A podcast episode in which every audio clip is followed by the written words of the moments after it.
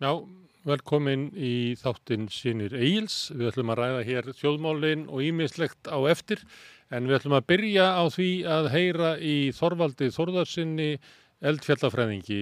Hann á að vera hér á Zoom. Þorvaldur?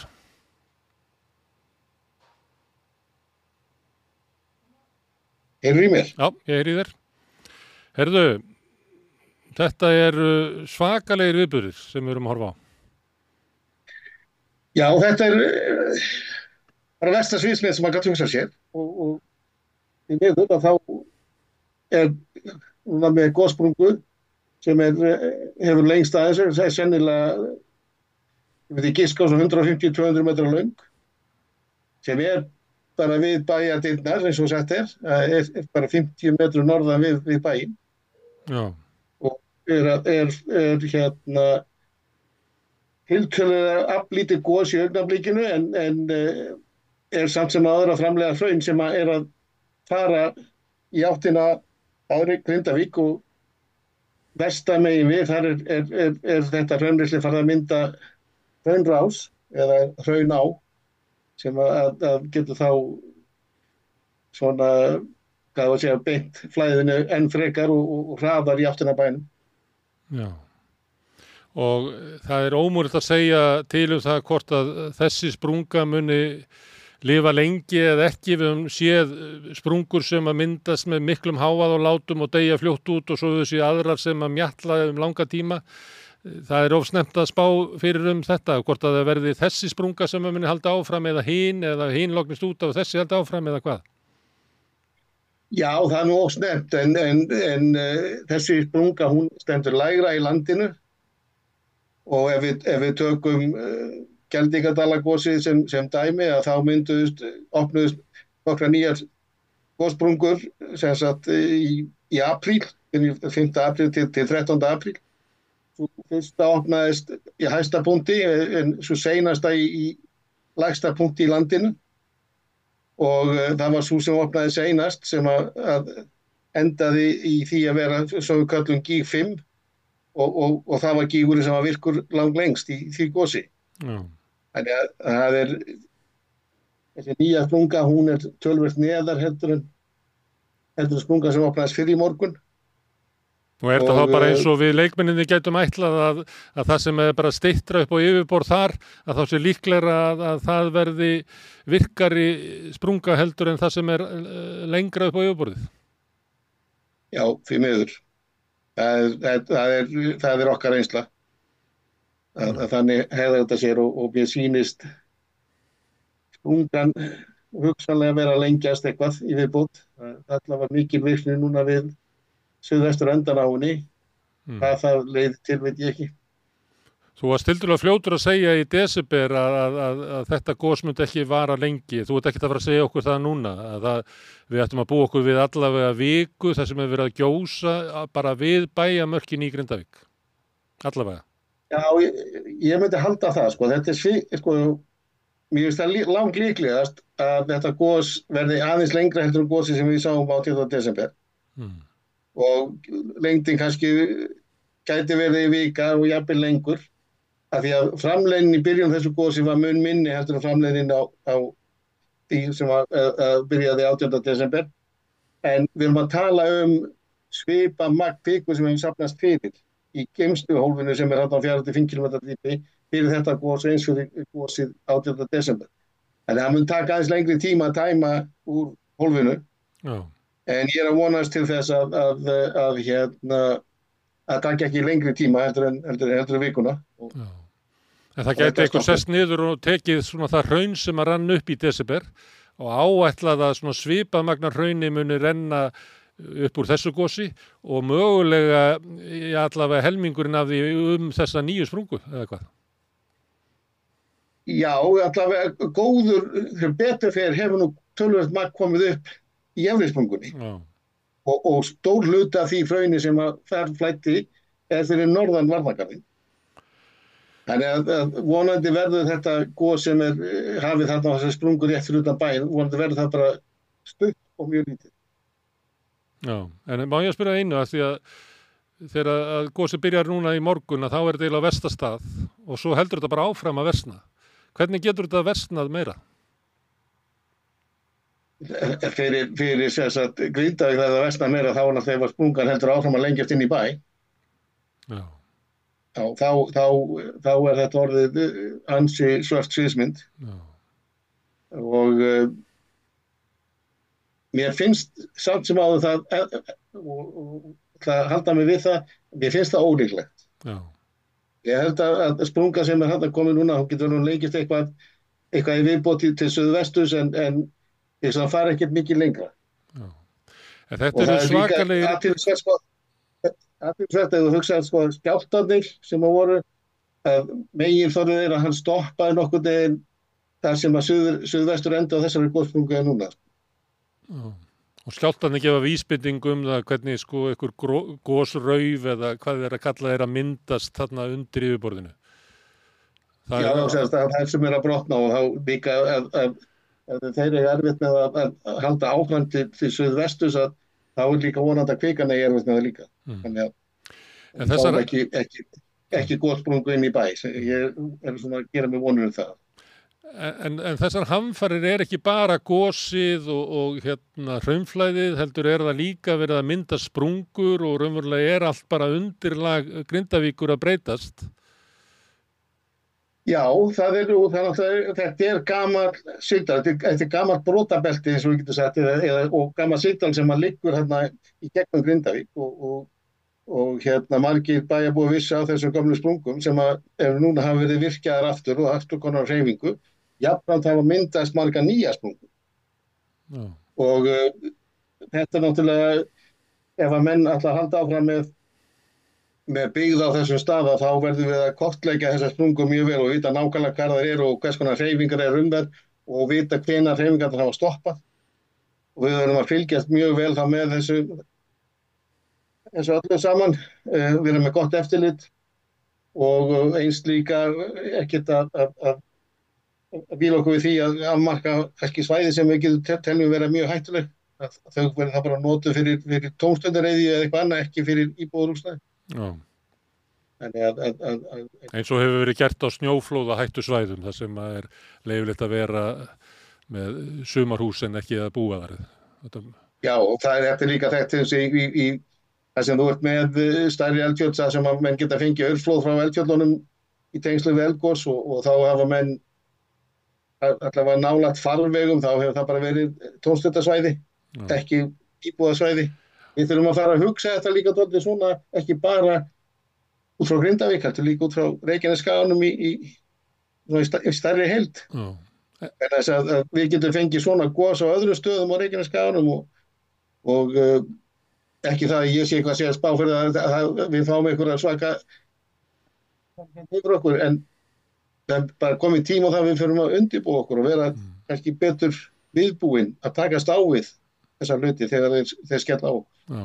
Já, ég ætla að fá hérna setni þættin um orkumálastjóra þar sem við höfum einmitt verið að spá um, um bæði heitavatnið og orkuna á, á Reykjanesi. En, en þeir eru að segja að við þurfum að endum með þetta. Þá þarf náttúrulega, hvað við að segja, svona dýri þarf að stoppa, ég meina það þarf að vera ljóst að verði ekki fleiri eldgós við eða jáfnvel inn í, í Grindavík. Og svo líka að, að, að, hérna, að þessar eh, breytingar á jörðinni séu búnar. Það, það er ástand sem við erum ekki að horfa fram á bara næstu mánuði að, að það er ekki nullpunktur í þessu þess að við getum sagt þetta er staðan í Grindavík, þetta heldur áfram að reyfast. Já og, og, við vitum í raun og veru ekki hversu lengi þetta mun halda áfram en við allt sem að við, allar upplýsingar sem við höfum verður bendur til þess að við séum alls ekki komin að lokum á þessum atbyrðu sem við erum búin að vera að horfa á undanförnum hérna, fjórum kannski fimm árum og, og, og þetta mun halda áfram með einhver tíma í viðbót Já, Eh, og, og eh, það er bara mjög mikilvægt átt að sjá því líka og, og við verðum að, að takast á við þetta með það kannar svona langtíma sjónamið í huga og, og uh, taka á þessu bara með skinnsemi og kannski ekki flýta okkur um of í hlutina og, og, og hérna bara sem dæmi þegar að, að sprungurnar eru hættar að hreyfast í Grindavík og, og, og hérna og menn vilja fara, fara kannski að að koma sér fyrir eftir þá verðum við líka að vita hvað allar þessar sprungur eru. Við get, verðum að geta fyllt í þær við verðum að geta séð til þess að, að, hérna, að, að þær séð til þess að fólk fall ekki í þessar sprungur. Er, við megum ekki missa fleira fólk í, Nei, nei. í, í svona dæmi. Já, við verum að vita hvers eðli sprungunir eru og hvernig það er í læginu áður en að við förum að reyna að fylla upp í þar. Ha, og hversu djúpar þær eru og, og, og líka vera vissum það sé ekki reymingar um það. já. Þegar Þor... þú fyllir í sprungu að reymingum þá fer fyllingin, hún fer það bara niður. Já. Herðu, Þorvaldur, þú ætlar að koma til mín hérna við Rauðaborðu á morgun og þá förum við yfir hérna Reykjanes elda hinna nýju. En, en ég þakka það. fyrir að skjótast þetta inn í þáttinn sinni Egils og gefa okkur þessa stöðu. Þetta er náttúrulega, það eru bara stóri viðbyrður að gerast á meðan við erum að tala saman. Og ég sé Já, að þú ert fyr- að gjóta augunum á, á myndir þar sem þú er að horfa á þessa nýju sprungu lengjast. Já, það er mennir bara að fylgjast með þessi bara í beinni sko og þetta er, já, þetta er doldið skelfilegt að horfa upp á þetta. Já, herðu. Kæra þakki Þorvaldur. Bara takk fyrir mig. Á morgun. Ok. Og við ætlum að halda hér áfram eftir örskama stund og ræða stórfréttir dagsins en líka kannski önnur mál.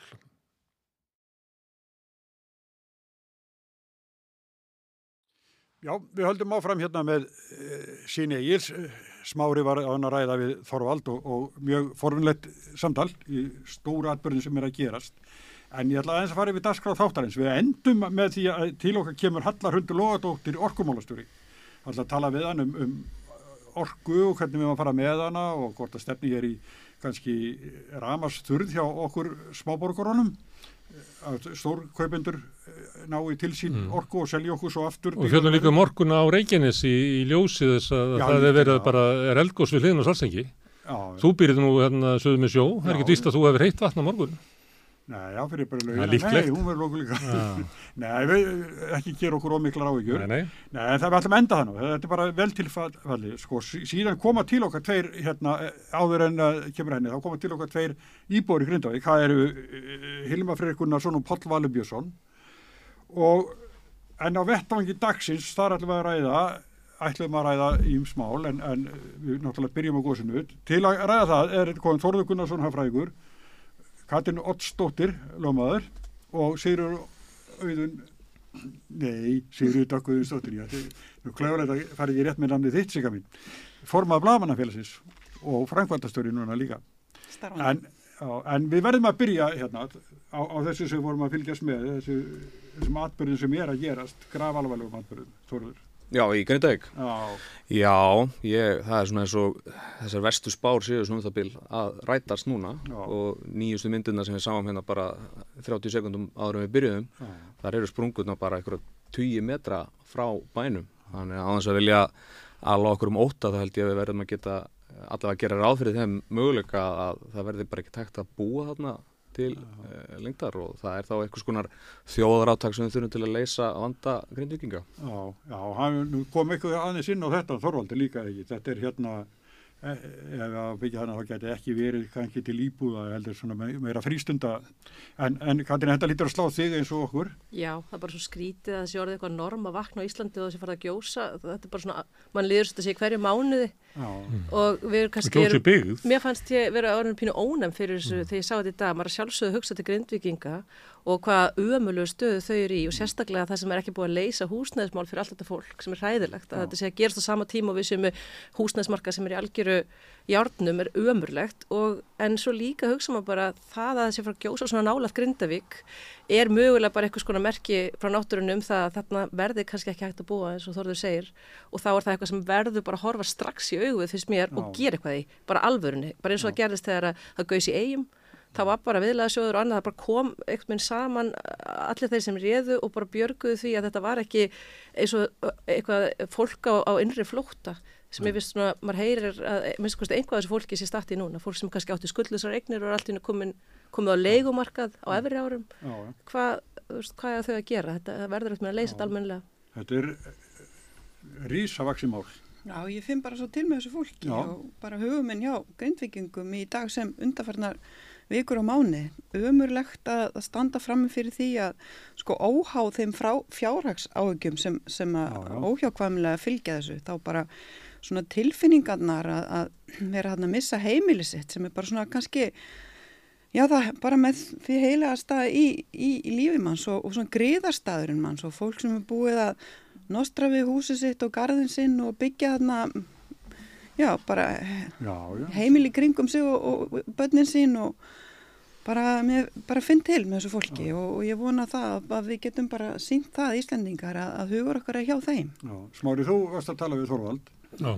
og Þetta er bara, þegar í morgun þá var þetta gos á vestastað og það hefur þróast á vestaveg já, og ég voru að spyrja hvort þetta geti vestna enn.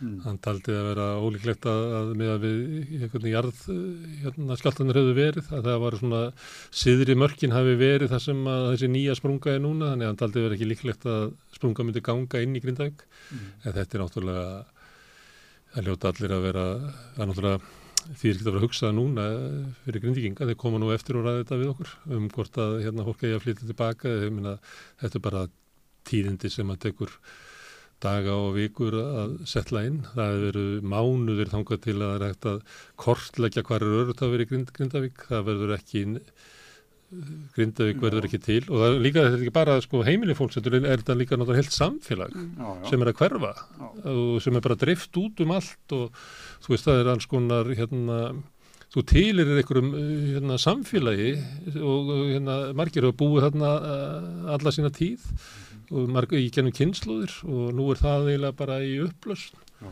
og veit enginn hvort það verður og, og það vitaður vel allir að, að þóttu að fólk farið þarna einhver leiti, þetta er náttúrulega allur skalin, einhver segir ég hérna við hérna, ves, Vestmann er ís á ný eins og Óli Jósaði og yfir í það að ég bara get ekki hugsað mér að flytja þann aftur í ókona mín sem að mér heyrir og svo er allur skalin hann á milli þannig að þó svo að allt fær á besta veg að þá verður Grindavík ekki söm, ekki í mörg ár. Nei, nei, nei, nei. En það er líka kom, komið ljós reyndar núna þegar að verður hægt að fara þannig inn að, að, eða myndað úr lofti að þeir að tala um að sko gliðnun á landun hafi aukist, að sprungur hafi brekkað og, og, og dýfkað og, og þannig að þetta er, þetta er svona graf alvarlegt og hættulegt mál bara að vera í bænum sko, að verið okkar hæfasta fólk. Eins og sjáum bara á þessu umurlega og bara hörmulega slisi sem Já. var á dögunum og, Já. og, og að staðan hefur náttúrulega ekki batnað þvert á móti síðan þá. Já, já. Og svo er líka mikilvægt að munna að- Grindavík er uh, svolítil efnaðslega þunga með líka á Suðunisum. Að aflaverðamætti þarna hverju ári er 50-60 miljardar. Við erum með bláa lóni sem veltir, veltir einhverjum 2 miljónum. Algalíf, orflíftekni, Já. er mikil atvinnustar sem er mikil verðmættasköpun sem á sér stað á þessu svæði. Þannig að Við sjáum til þess að loftmyndunum að orf, þannig að það er eiginlega við raunjaðarinn á sko fyrri sprungunni. Mhm. Þannig að maður eiginlega sér að það, það eru bara hljóta að vera bara alla líkur að það fara til raun Já. sem er náttúrulega gríðarleg starfsemi. Sko. Ég held að standa upp á aðeins, upp á einhverju hæð, en hvað það, ég veit ekki. Getið orðið eins og í skafturöldum, farið sér hverju megin. Já, já. Nei, ég, Já, ekki, fyrst það sem ég dætti við morgun að því svona, þegar maður er kýrt þarna finnst mér að standa svo hátt.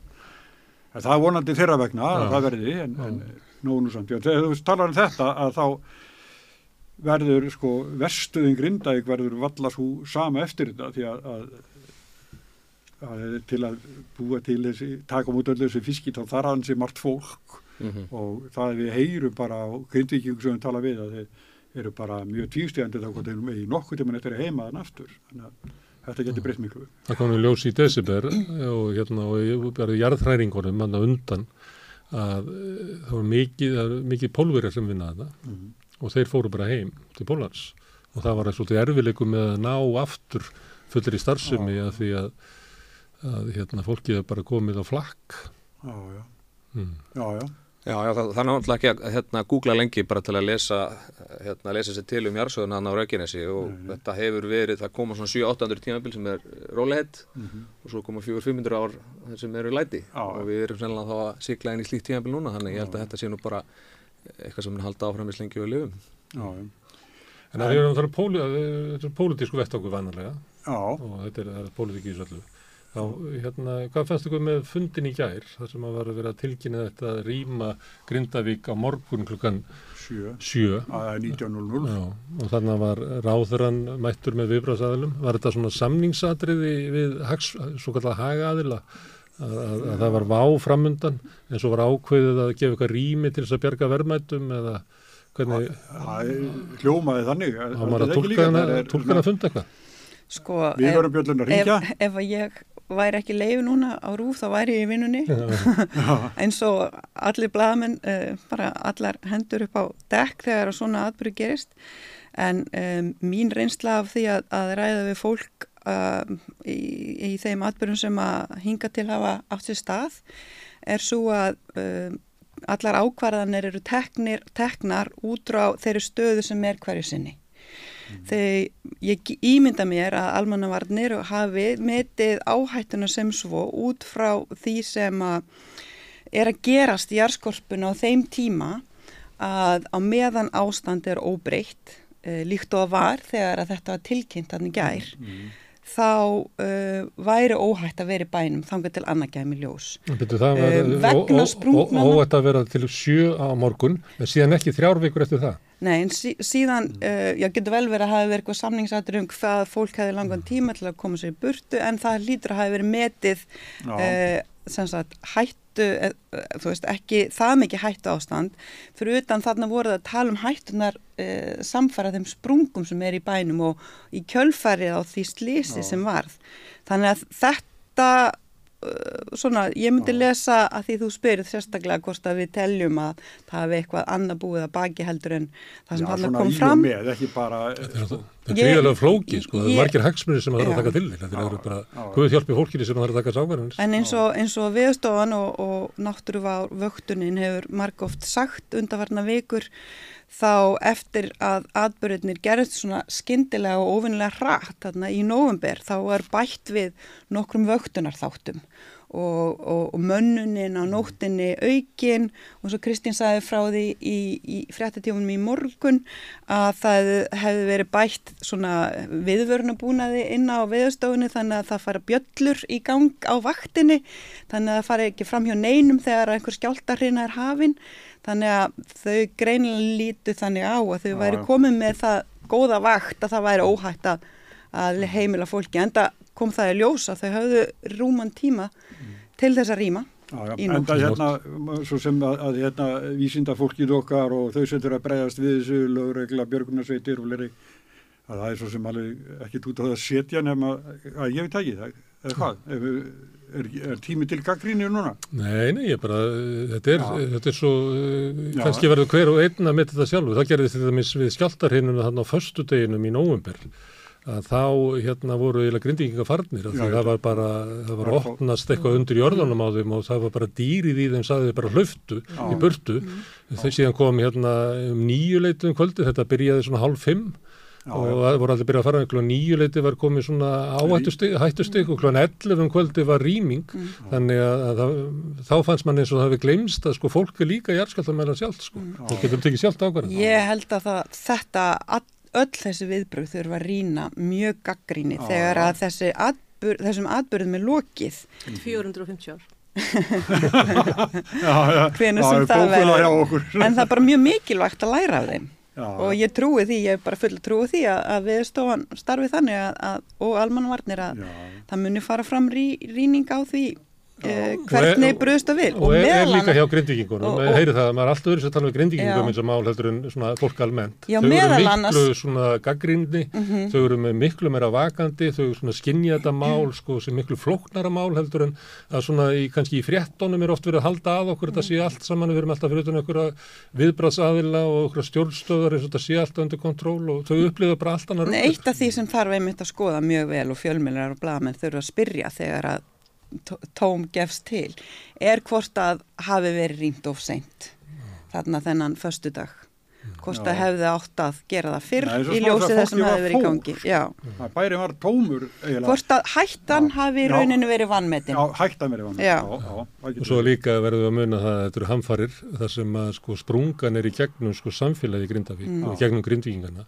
Þetta er ekki bara flekar og hraun og þetta Nei, er náttúrulega nei. gríðarlegar Nei, að- mannlegar hamfarir. Sko. Sko ef það væri engi byggðarna þá líður okkur öðru sem okkur líður núna. Sko að við séum öll svolítið svona tekin, eh, þetta hefur haft áhrif á okkur öll og, og bara frá því að vakna í morgun og, og Annars var þetta bara svo hólurhraun ef ykkur mann eftir því. já, já, Það já. er bara Ómar Ragnarsson sem er því. Þetta er allt öðruvísi. sem var bara jarðfræðilegur Já. atbyrður en núna er þetta svo mikill sko. samfélagslegur Já. atbyrður Stórgóðslugur eins og jörðin gleipi mann, þetta er bara svo ótrúlega. Alveg, Þetta er bara ömulegt sko. En það er auðvitað mjög auðvitað að vera vittur eftir á í þessu áttaríma 6 tíma fyrir, fyrir eða 12 tíma fyrir en þetta er náttúrulega eins og við verum að segja jarðsögulegur atbyrður og svo er alltaf verið að spyrja hérna, fræðimennina er að fara að gjósa á morgun? Já, eh, það geti líka verið eftir viku. Þannig að það er bara alltaf það mikil óvisa í þessu að, að fara að skoða sko hvenær var ákveða rýma og hvenær ekki. Ég held að það sé svona kannski eh, ekki mjög uppbyggilegt Við verðum Ég eins og vera að Ekki læra á af þessari sögunni. sko. stundu. Nei, ég held að sé í rauninni ekki hægt að taka neina fullkomnar ákvarðanir í svona aðstæðum. Þetta er bara algjörlega eins og við segjum í lögfræðinu forsmajor, það er bara gæti ekki orðið skýrara, sko. Og mannabarn er eitthvað að gera sitt besta með einhverja litla mæla og svona til að reyna að hjálpa hinnum. Það er bara mjög fagurt út af fyrir sig. Að það sé verið að reyna að halda þetta um það að það verði ekki hérna frekar að slisa fólki eftir bestu getu og mér er svolítið svona óþarlega skeptist að fara að ætla sér það að fólk sé eitthvað að leika sér með það mat. Ég held að það myndi enginn gera það á Íslandi. Við erum bara það vön að vera þessu návíi við náttúruna og það er okkar svona fegurstu stundir samfélagslega. Akkurat þegar svona hamfarið dinja á þá sínum við svolítið svona úr hverju við erum gerð, hvað samtakamátt varðar og annað. Og ég held við ættum bara að öll að trúa því að þar sé fólk að gera sitt besta. Það fór svolítið svona smá í taugarnar á mér þegar ég sá að það stóð til að höfða mál gegn ríkinu fyrir þetta og hitt, eitthvað Jónsteina mættur hann eitthvað, þú veist, það er fólk er að gera sitt besta, það hlýtur bara segja fólki að fara heima Já, þú veist, auðvitað er alltaf hægt að segja eftir á, heyrðu, það var, þarna var alveg plást til þess að taka aðeins öðruvísi ákvörðun og gæta meðalhófs aðeins betur og svo leiðis, en ég held bara að við ættum ekki að vera að deila akkurat um þetta. Ég held að það hljóta að vera Eins- um það að það er allir að reynast Já, besta. eins og maður sér líka sko, þau eru sjálf að rýna sín viðbröð Já. jafnóðum Já. og bregðast við til þess að bæta sitt viðbröð, þannig að það finnst mér alveg merki um að við erum jafnóðum að læra af því sem hefði mögulega mátt gera en betur maður vill vera sínisku í því, í, sko með það eitt að markmið að bjarga Nákvæmlega. fólki. En maður vill vera sínisku, getur maður kannski sagt, þetta er alltaf ákveður svona gjöf fyrir pólitíkuna, að fá svona atbyrði eins og það er hæðild að segja það í fangivætna, þess að þetta er saminar okkur. Og við viljum bara, þú veist, ég miskustu, mér líður þannig, ég vil bara trúa því að mín yfirvöld sé að standa sér vel og gerast besta. Þú vilt ekki, ekki. þú vilt ekki að ríkistöndi springi og fara að kjósa núna. Já, ef að ríkistunni springur, þá bara springur hún, en jarðin er að springa undir Grindavík og það er bara aðeins stærra mál. Já, en, og þú náttúrulega sagðir náðan að það verið mjög mikilvægt að, að meðalúsareglan var í höfð og við hljóttum alltaf að vera sammála um það, hér er þetta bara Já, ekki hægt. Það með ekki fara fram á okkur Nei. Meðalhófsreglan er er nú til umfjöldunar í hættum. en þegar, þegar óvissan er jafn mikil og, og, og jafn mikil í húfi og líf fólks í húfi þá hljótu að vera sammálu um að það gangi fyrir að, að reyna að Já. draga úr hættun á því að, að fólk slasist En- eða meðist Er það ekki pólitísk, það er bara þannig að það hefur verið fyrir helgi, það var verið að ræða um það að ríkistöndin getur sprungið og það þyrfti eitthvað ímislegt að gerast. Nú er það bara ekki í bóði. Ríkistöndin verður bara að halda áfram. Já, með góðu illu. Ég veit ekki. Ég veit ekki, Nei, sko það, þó að ríkistjónin springi þá er einhver falið valdið, sko, það er verið þá myndum minni hlutastjórn á meðan eða eitthvað Það meðan að það verður að kjósa ykkur, ég, ég, ég held að það sé engi stemming fyrir því, sko. Þau verður ríkis, bara að halda áfram. ríkistjónin breytir engu um, um gósið í, í Grindavík, sko, það er alveg, Hvað, seg, hvað segir Já, ég held að sé ekkert sérstaklega hjálplegt að vera án ríkistjórnar akkurat með þetta gengur yfir, saman hversu óanæði menn kunna að vera eh, með hana akkurat núna en, en ég held að líka bara það eru þessar kjæra samleika, þeir eru heldur ekki búnir ég held að sé bara ábyrða hluti að reyna að lufsast allavega einhverja mánuði áfram sko. Lufsast er svo ekki, gott ekki orðið. meira en það Ha, Hvað segir þau? ekki meira en það, bara lufsast ykkur að manni. Sjáum til í suma bara Já, Og þetta er sjónamið svona innan úr sjálfstæðarfloknum. En Þetta var bara svona mín persónulega skoðun sko. En hvað er varðandi hérna eins og uh, Svandísi?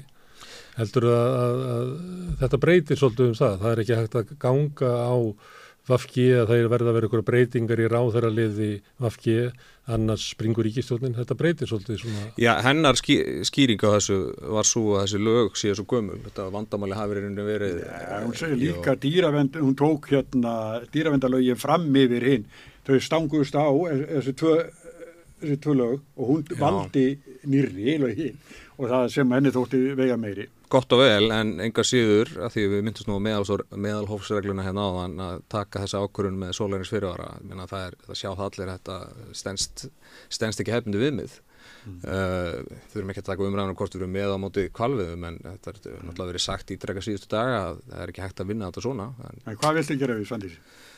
ég held að hún þurfa að fara úr þessu ráðuniti þessi svona alveg það minnsta Mm. sem að þyrft að gerast Menn rétt þurfa, þá að semjum uh, það hérna, innan, innan, innan afgi hverjar það er stólubreitinga verða. En eru stólabreitinga bara orðunar nýja normið því þegar fólk sætir ábyrgð? einmitt, já, einmitt, þetta er er Nei, nei, ekkert endilega, ég er ekkert að segja að það sé Bjarni endilega, bjótið þá reglu. Að þú nefndir það sérstaklega. Ge- núna. gera það. Já, já. fyrst það. þetta er orðið eitthvað svona sem við nefnum bara sem fyrsta möguleika þegar einhver er búin að gera sprótlegur sem að þá sé stólabreiting næsta mála dagskrá finnst mér alveg galið sko. Já, ekkert endilega mínu vegna en ég er að segja hérna, Svandís hefur mikinn stuðningin í vinstri grænum og hérna, ég myndur nú halda að, að hennar stuðningsfólk myndi ekki setja sig það að hún færi úr ríkistjórn þannig ég er nú bara að hugsa þetta út frá En myndi, sko, hínu innanhúss. sig það, sko. Þetta er fyrir eitthvað það, sko. Myndi hínu sætta sig við að hún tæki eitthvað annar ráðanýti. Eða eigum við sem borgarar að sætt okkur við það Já, að það kallist að sæta það, já. Já. að skiptum ráðuneyti, mér finnst það alveg furðuleg niðurst að það er orðið nýja normið í okkar landi sem líðræðisviki að þú brjótir með einhverjum hætti gegn lögum eða reglum og þá þurfur bara að skipta um ráðherrastól.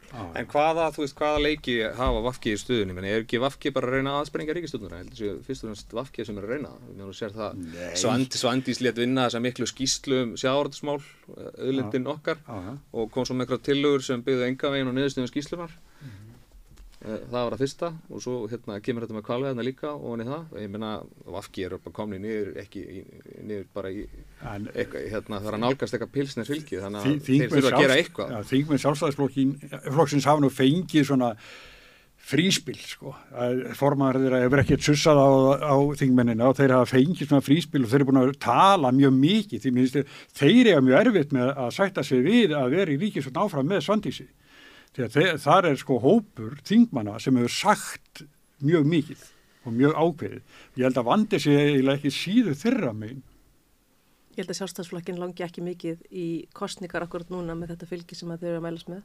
Og það er hluta því, en mér finnst bara svo bjagað, drí- aftur bara sem einhver borgari, þá finnst mér þetta öll þessi umræða pínu úrkynnið, að við séum aðalega hugsa um lífi einhverja stjórnmálaflokka, þú veist, þegar að við erum með mjög alvarlegt álit umbúsmanns og við erum með bara stöðu þar sem ríkistöndin nýtur lítilsfylgir og það eru rosalega stór mál sem þau ná ekki saman um og við vitum öll og mér liður bara að halda hverju eins og hverju skilnaðabatni alla daga þegar ég les íslenska fréttir.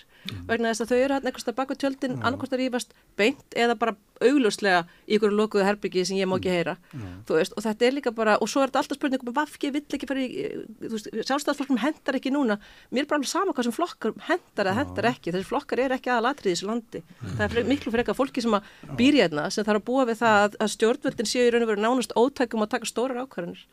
Út af því að þau vilja ekki þetta og hitt og núna er Kristrún með ofinsalega eitthvað kjaftaði, mér er bara alveg saman með allt saman, það verður ekkert með að reyna að breyka myndina fyrst mér og horfa á bara heildar stöðuna sem er uppi, þú veist, og það er smá kannski það sem maður upplýðir sem betur fyrir sig að gerast í þessum kjara viðræðum, að, að þarna hafi einhver fólk ákveðið bara, ok, við okkur bara rennur blóðið til skildunar og láta stóra fullorðin hérna í korter, skilji, og reyna að finna lausnir á okkur stóru vandamáli sem við þurfum að leysa. Já. Í frekar en að vera bara í einhverja eilifri hatrar með deil sem snýst um einhverja, einhverja prósendur, einhverja flokka. Það er svo ótrúlega pathetic fyrir ekki við En- að þetta séu Já. áherslunar. En er ykkur stjórnmálaflokkur eða stjórnmálamaður að byggja um kostningar núna? Er ykkur í samlingunni að byggja um kostningar? Er, ykkur, er stjórnaranstæðan að fara fram kostningar? Nei, ég veit Það- ekki það er það er en ein- kannski Það- fólki Það er eðlilega sko. ástand ef að ríkistjórn er verklítil, eh, nær ekki saman, er ósett inn í það, þá er eðin eðlilega líðræðslega viðbragð að bara hætta og efna til kostninga. Já. En, Það er svolítið sorglegt í líðræðssamfélaginu sem enginn er byggðum kostningar. Já, meina, en það er staðrænt, en, en hva, segjum svo svo, horfum á kannana núna, og það myndi, kostninga myndi fara eins og kannan líti út, hva, í hvaða stöðu varum við þá? Varum við með tveggja flokkar stjórn út úr því? Ekki. Að líklega verðum við ekki með tekjaflokka stjórn úr þessu. Sko. Nei, Ekki ég nema segi það, það breyt önnur- bara banni í frambóð eða eitthvað. En er tekja stjórn stjórn eitthvað sérst að takmarka það? Nei, nei, ég er að segja, þú veist, við erum með þryggja flokkar stjórn núna og það hefur svona gengið upp og á hann eins og allir segja á, meina, við erum örgulega bara að fara inn í þetta umhverju núna, þess að sem það verða oftar en ekki þrý flokkar saman, það sem að kannski, Það eru þrý flokkar í Ingi- það eru þrý flokkar í, Noregi, það eru fjóri flokkar held ég með stuðningnum í Svíþjóð. Þetta lifir fólk bara við í, í okkar svona líðræðislega heimsluta. Sko. var ekki bara, var þetta ekki bara betra þegar við vorum bara með fjóflokkin? En Sigurður Ingi, hann segir alveg ákveðið sko, hérna, að við erum með svo stert umbóð, við erum með 37 þingmenn, sko, hann, 38. Ja, Kom 38, einn- hann, já, já, hann, hann gleymir alltaf að telja byrji, en, en hérna, en hann er ekkert að tala um sko breytingar sem hafa orðið síðan, hann lifi bara í þessu, við erum með svo stert umbóð. Já, það hefur líka ekkert verið kosið síðan, ég skoðanakannanir er eitt og, og ég meina það er sveiflast eftir vindunum hverju sinni, en að þið voru að tala um hvort að það sé útlýtt fyrir að þessi ríkisjórn springi, mér hefur ekkert sínst það að sé raunverulegu vilji, hvorki VFG nýja sjálfstæðisflokksins að, sem að þeir eru nú kannski þeir tveir flokkar sem að brennur mest á þessi spurning, hvort að þeir ætla að halda þessu ríkistjórna samstarfi áfram, framsvöngflokkurinn svona meira svona, svona á gerðingunni svo já, alltaf. já, en, já, já. en uh, þú segir að uh, með því sem vinstir græn hafa verið að gera séu þau í rauninni að segja að þau séu að reyna að slíta ríkistjórnarsamstarfinu og, og það sé vilji hjá þeim til þess. Ég get ekki alveg sé hvernig það komi heim og saman vegna þess að ef þau vildu slíta þessu ríkistjórnarsamstarfi þá kæmi það bara langt best út fyrir þau að mínum að, að gera það bara upp á borðinu og segja það reynd og beint vegna þess að það sést bara á fylgis þróun þeirra hvað þeirra vera í þessari ríkistjórn er óvinnsæl meðal þeirra stöðnismanna. Mm. Þannig að bara það að þau kæmi fram og, og, og segjast hafa haft frumkvæða því að slíta þessari ríkistjórn, það myndi bara vera uh, bara uh, svona svona myndi ebla þeirra stuðnisfólki að koma aftur tilbaka. Og það gerir það ekki með bjarta framtíð. Nei, nei, en það var það bara allt öðru þessi flokkur, hann var miklu nýrri og hafði ekki eins svona, svona, svona sterka grassroot sem var með jafn svona, svona skýra svona pólitíska afstöðu, meiri svona miðjuflokkur sem var, já, bara svona annars konar stuðningsfólk. Ég held að hann hafi gert út af þessi þegar mynduðu ríkistjórnina. Björn framtíð þegar gengi þessa ríkistjórnina, enga ríkistjórnina, að þá gerðir út af þessi, ekki þegar í slítinni, þetta var búið bara leið og, og, og óttar proppið gekk í þetta bandala þeirra engaða frænda. Það voru alltaf veik allt kjörtumabilið. En að því þau voru líka að tala um sko hvernig sjálfstæðismenn hefðu talað núna uh, út, út á við, ofinberlega, um þetta ríkistjórnarsamstarf og um samstarfsflokkin sérstaklega Vafgi mm. og hversu óvinnilegt það væri, þá held ég líka það sé ekki til margs um að þau hafi einhvern vilja til þess að slíta þessu samstarfi. Það myndi bara koma sér mjög illa fyrir þau miðaði hvernig pólitíska er dag. Ég tólk þetta miklu meira þannig að þetta séu uh, fulltrúar uh, þessarar, um, uh, þessar flokk sem eru að tala til sín stuðningsmanna, tala inn í sín hóp og segja við erum ósátt við, við stöndum enn á okkar, svona eins og unga fólki myndi segja, þau eru að flexa, veist, þau eru svolítið bara svona að gera sér starri í þessu samstarfi og, og svona með ákveðna svona hótanir um eitthvað sem að uh, þau gætu mögulega gert en, en við vitum að þau mun ekki gera. Þá kemur svo smá bílur hátt í tómri tunnu moment beint á eftir sko ef að það er búið að stíga svona fram á völlin og, og, og hóta öllu og þeysast millir fjórðunga eins og teitur hefur verið að gera með því líka sverðið á lofti sko. Og svo ekkert menn er að fara að dansa einhvern línudansi viðtali kortur eftir að þessi alvarlega niðurstaði kemur frá umbósmanni að sem hann vill alls ekki segja það sem honum rumverulega held í finnst sem er það að honum finnist að Svandi segja víkja og hann ætti þá bara samskusina vegna að greiða atkvæði þá átt, finnst mér, frekar hann að vera að belga sér svona út. Mm. og svo einhvern veginn er loftuður blöðrunu en leiða til kastana kemur, minnst það pínu vandræðilegt en það er hérna, já, hann er kannski búin að ganga einna lengst, en e, e, hvað hérna Minna sjálfstæðflokkurinn segist alltaf vera sá flokkur sem að slítur ekki ríkistjórnarsamstarfið og það er svolítið svona sjálfsmynd flokksins er svo að það er hægt að treysta á það við hlaupum ekki upp við, við, við uh, hvaða erfileika sem uppkoma og bara slítur ríkistjórnarsamstarfið þið getið treyst því að við erum meina hvað ætli orðið pólitískur stöðuleiki hafi verið notaður oft í síðust og þar síðustu kostningum og það verið rauninu bara svona, svona staðista kostningalof og sjálfstæðarflokksins í þessum í, í sérstaklega það síðustu kostningu þegar það til þess að ríkistjórnum samstags var uh, eftir í, í fyrsta sinn að það væri mikilvægt fyrir þjóðina að, að geta treyst á það að hér er ekki pólitíst upplaup við hvaða uh, svona erfileika sem uppkoma þannig að þetta er svolítið það sem að þau eru svona búin að byggja sína sjálfsmynd á þessu mörgu leiti að verða að standa við. Það er pólitískur óstöðuleik í landinu Stöðnun, búrtíð stöðnun, getur við líka að geta það? Já, þetta er svona óstöðuleiki þegar fólk er að nýta hvert í annað, svona milli flokka, Það eigða tímanu sínum í það sko, sem er fyrðulegt sko, því það er nóg verk framöndan sko. Ég held að það sé í tilfinning, sko. tilfinning almennings að það þarf að gera eitthvað í húsnæðismálum, það þarf að gera eitthvað í ég held sjálfstæðismennur er já, orkumálum, í efnaðismálum, verðbólgunni og svo erum við alltaf að hlusta á eitthvað svona, eitthvað kýting. Nei, þetta er eitt, eitt er að tala saman. Í, í breskum stjórnmálum er það trúað að þeirra þarf að fella formann, að sá sem að stígur fram, hann tapi á því það kannski hefa menn einhvern veginn tala sig inn á það að, að, að í stjórnarsamstarfi síðan þannig að sá sem að slítur ríkistjórninni tapi á því, ég veit ekki fyrir utan bjarta framtíði hvað er þetta að finna dæmin um það sko. En það er svolítið þannig eins og öllum sé ósart um að ríkistjórnin springi en ég ætla ekki að gera það.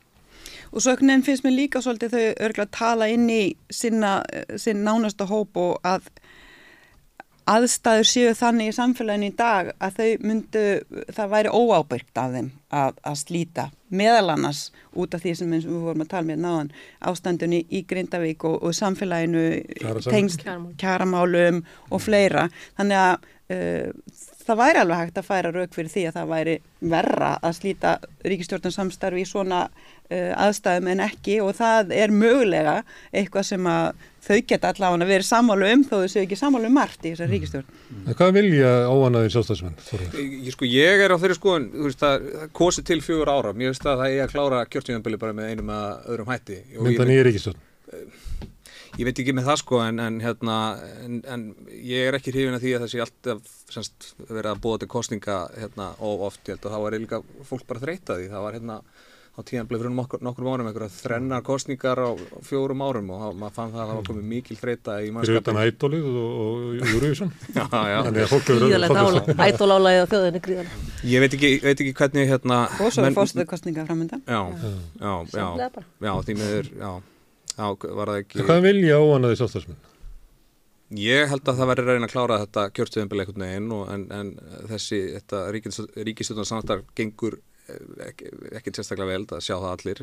En þó með þeim En, breytingum. en ég held að Svandís þurfi að hérna, fara úr þessu ráðaneti sem hún er í núna, það er mín skoðun. Nokkur góð misseri með eða án Svandísar. Svo. Hvað segir þau? Nokkur góð misseri með eða án Svandísar. Var það ekki einhver uh, smásaga sem að hétt Já, þetta já, misseri? Þetta já, var Davíð. bók- Bókætti Davíð Ótsson. Já. Nei, nei, ég meina Svandi, Svandís er hérna, hérna ekki- kona og skemmtilega en hérna, ég held bara þessar ákvarðanir sem hann eh, tók eh, hérna í kringum þessu kvalveðumál séu bara, þetta er bara ekki. En Katrín, þú ert á móti kvalviðum. Já. En þú ert lögmaður Já. og þetta er náttúrulega drauma mál fyrir þig. Á, get, er, er Svandísi st- stætt eða sætt? Sko, m- akkur þetta drauma mál fyrir mig. Bara Gunnarsmári. lögfræði... Mér finnst það hræðilega niðurstaða sko, þetta er bara málið er komið út í einhvern algjörun skurð vegna Já. þessa. Já. framkvæmdar og þetta er sko alls ekki draumastaða fyrir mig og ég, draumastaða fyrir mig væri svo að fólk verið að tala um það, þá stóru spurningu hvort að vilji við hafa kvalviða við Íslandi eða ekki.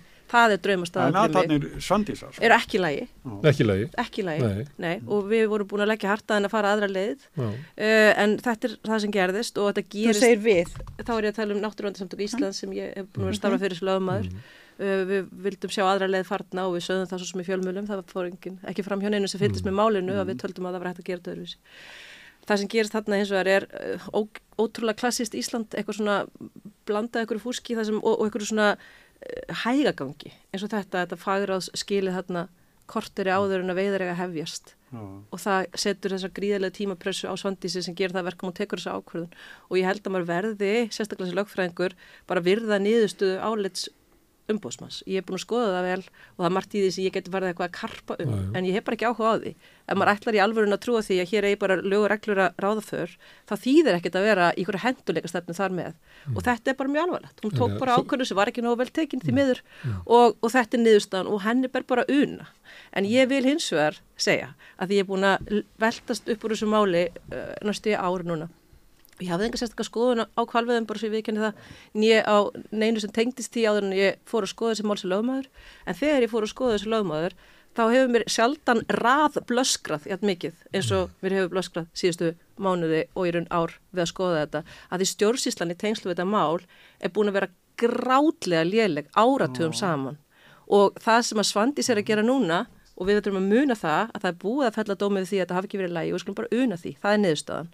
En ef maður skoðar það í samingi við það hvernig hefur verið haldið utanum þessi mál og sem har oftast þá verið í höndu sjálfstæðisflokksins, þá er þetta bara hálgett grín.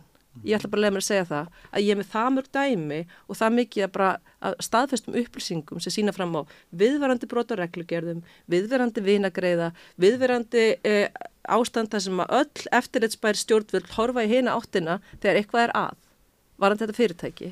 Og þetta byggir einhvern veginn bara á því ef við í alvörunni bara leggjum allt til hliðar, þá byggir þetta bara á því að það er einu manni sem langar til að drepa þessi stóru dýr. Og hann kemst uppið á Íslandi. Eina þjóðin í heiminu sem veiði langriðar er Ísland árið 2024 og 2023 og 2022 og 1 og bara, Já, já, já. það er eina þjóðin í heiminu og það er alveg ótrúlega mikið að rétt fengjandi fólki í öllum flokkum sem segir bara, þetta er tímaskekk, þetta er bull og þetta er, þetta er dýranýð en við náum samt ekkert ekki utanum þetta, við náum ekki að setja ný lög við náum ekki að klára málið fyrir að það komið ykkur algjöra þröng og ykkur, ykkur kona stendur upp með bakið hérna, upp, upp, að- bakið upp á vegg og, og tekur ykkur ákvörðin sem síðan er hægt að krítisera Hún gaf Og- út leifi fyrra árinu, eða ekki? Hefði hún ekki átt að... Nei, nei, nei, hún gaf ekki út neitt leifi. Hún leifi að gefa út 2019 Já. Og það var alls ekki hún. Hún hefði svo að setja reglugerð sem hvað á um miklu strángara eftirlit árið 2022 sem var bara, for, bara í raun og veru frábært þannig að þá fengum við lóks upplýsingar og það hvernig sem veiðin var háttað og sáum hversu ótrúlega mikið vantar upp á til þess að þetta mæti lögum um velferð dýra til dæmis. En það er sem þetta að segja núna, það er það að, að sko, sjálfstæðisflokkun hefur gefið mest eftir til Kristjáns uh, Lofssonar Já. og sérstaklega Kristján Þór Júliusson og, og það var að þannig að hún situr uppi með það þær reglugeris voru gefnar út og en samt er það svo sjálfstæðisflokkun sem herjar mest á hana Það er- gerir það það, er- að, að framfylgja raunverulega þeirra gjörðum. Já, nei, kannski ekki alveg svona, en það sem er, já, já. nei, ég er ekki alveg svona þessu, en það, það sem er kannski, mér, mér finnst að við lendum svo oft í því á Íslandi að við verðum algjörlega brjáluð út af einhver einu atriði og öll, allur fókusin fyrir þangað og stundum þá er þetta smjörklípa, það er bara gott fyrir einhvern að allur fókusin færi það að rífast um eitthvað eitt tiltekki mál, en Já. stóra myndin á það til að tapast hjá okkur. Við töfum ótrúlega oft tengingu okkar við söguna og, fyrir staðrendir máls og við töfum rosalega oft sjónar á markmiðinu eða stóru spurningunni sem liggur undir til þetta málum. Af því við elskum einhvern veginn að fara í svona skindibardaga og núna eru allir að fá smá svona endorfin kikk út úr því að vita hvað gerist ykkur van, vanhæfnis atkvæða greiðslu gagvart svandísi á alþingi þegar þingjum saman aftur.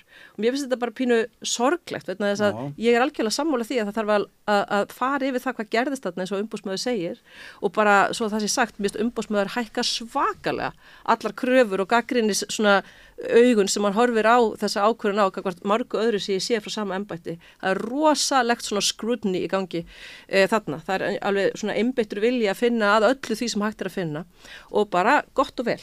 Gott og vel. Þetta er eftirleitt stjórnvald þannig að bara flott hann vinni vinnur sinni svona nákvæmlega og vonandi gera hann það bara alltaf. En eftir sittur svo spurning að við megum ekki missa sjónar á stóru, þú veist, þetta er risastort þetta er risastór vegferð, þar sem við sem þjóður erum að reyna að mjaka okkur í átta ykkur nútímalegu ríki, þar sem við erum að skoða það að við vilja vera náttúruvendaþjóð að vilja vera þjóð sem að hérna sem virði líðræðislega vilja og, og, og tekur skrefin í framtíðina og stendur við alþjóðlega skuldbyttingar þetta eru stóru, stóru myndir sem við ættum að vera að horfa á og þar eru kvalveðar frekar augljós hérna tímaskekkja að mínu mati, þetta eru bara mjög villimannslega veiðar sem að þjóna ekki hagsmunum þessara þjóðar, hvernig sem á það er litið. Svo segja þeir, við verðum að fá rétt til að nýta auðlindir okkar. Já, og það er bara vissulega alveg hár rétt en það að drepa akkurat þessi viltu spöndir er í raun ekki alveg eitthvað sem fellur undir það og ég skil til dæmis ekki almennilega, akkur samtök uh, sjáurðsfyrirtækja, hvað sem LIU veit kalla sig í dag, akkur þau eru áfram um það að styðja þessa veiðar vegna þess að eða reyndar sjókfjældi, svo það sé sagt, sem er í raun og verið í engu samingi við það hvernig við nýtum sjáur auðlitin okkar öðru leiti. Þau segja ef að við gefum eftir í kvalinum að þá takið þorski næst. Já, það er alveg galinn orðan En maður hefur heyrt þetta. Já, En má ég spyrja hérna af því að ég, ég get ekki aldrei hægt að vera blagamæður. Mér langar svo að spyrja því þú sa- á þess að ég fara að stiga inn á ykkar svið, en smá samt. Uh, þú sagði á hann að þið hefðu komið tilögur um hvernig þið hefðu viljað sjá þetta gerast og, og lög, lagt það fram, en það var ekki farið að þeim tilögum. Hvernig hljóðu þær? Já, við vorum til dæmis að leggja mjög fast að því að MAST myndi nota þær heimildi sem MAST hefur í lögum til þess að, beita viðurlögum. Um og skýslan á fyrir hann í mæ, þá sögðum við líka við Svandísi, þú ert með leifi sem er skilir því að, lög, að dýravelferð sé uppfyllt. Og nú ertu komið risastóra skýrslu sem sýnir það að það er ekki málið. Þó að þar hafi ekki komið jafn skýrt fram eins og setna kom í fagráðinu að þetta væri brot á lögum með velferð dýra. Þar var sagt að þetta er ekki í andamark eitthvað svona mjög loðið að því að mast bara hefur ekki staðið almenni lappirnar og ekki sint sínu eftir þess hlutverki þannig að þar var augljós vegur sem mast, við báðum mastum að afturkalla starfslefið í kjölfar þess að skýrsla var byrt og það var ekki fallist á það. Við báðum svandi sem að virkja þetta skilir í gert það mm. það hefði þó minnskosti gætt meðalhófs. Þá hefði kvalur geta haft rétt til þess að andmæla og segja sína hlið og svo hefði kannski verið hægt að setla einhverja niðurstöðu í kjölfar þess. En þetta er svona, það er hörfað og hörfað og hörfað þá kannski það komið alveg uppi vegg og þá bara búm, allt í hennu skotið Veist, þetta er auðvitað umri stjórnsýsla og maður verður bara að viðkjanna að maður getur sett sér í spór fyrirtækisins og starfsmannana sem voru bara í sjokki við því að þetta skildi gerast með svona litlum fyrirvara. En hvað átti Svandi síðan að gera? Það er heldur ekki skýrt. Hún fær hérna í hendur eitthvað álit frá fagfólki sem segir bara þetta er brot á lögum ef þú leifir þetta. Þú veist það er engin góð niðurstað í þessu en, en, en þið bara... finnst að hún er að vika? Ég var ekki að segja það. Nei, ég spil. Nei. Ég var alls ekki að segja það, ég er bara ekki hendur með skoðun og því. Ef við byrjum bara saman hérna, Bjarni Benediðinsson mm. fekk áleitunum básmanni, hann mm. víkur. Já, hann víkur, hann skiptur um... Gilda önnu lögmálum Svandísi? Alls ekki, ég hef ekki myndað með skoðun og því hvort hann hefur vikið ekki, en þetta er mjög ólíkt orðarlega bara í þessum feimur áleitu, svo það sé sagt. Það, það er eitt og vanhæfnisreglur eru líka að mörguleiti alvarlega málhættunum þegar talið er að skorti skýra lagastóð fyrir einhver reglugjara breytingum sem gerist til miður ofta á Íslandi en ég held að hérna, minnskosti vona ég innilega að það sé ekki nýja normið á Íslandi að fólk skiptir henni um sæti og telli sér þar með að hafa sætt pólitíska En hérna, umbóðsmann Valþingis, var hann svona mildari við Bjarnar?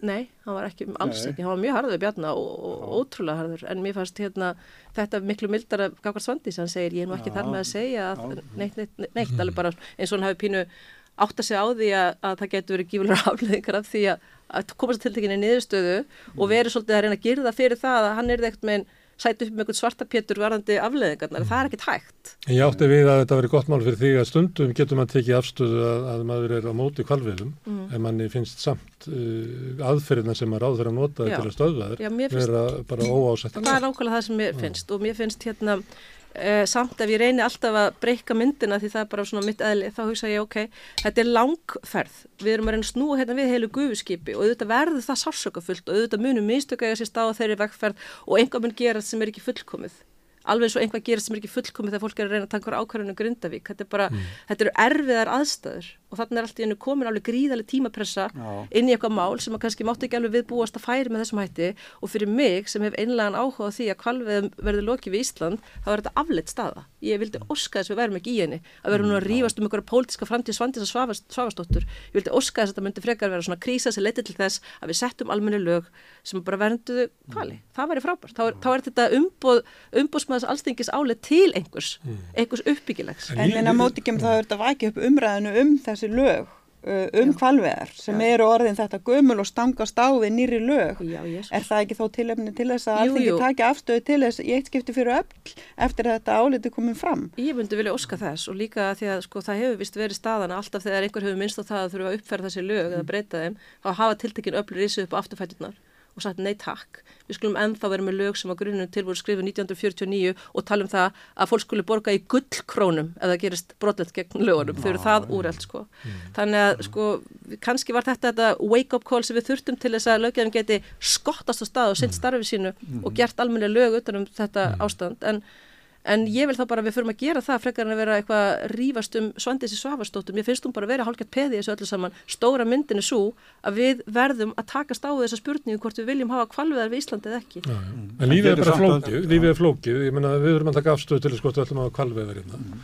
Við getum líka að taka afstöðu til hérna álits umbósmanns, hvað svo alvarlegt það er.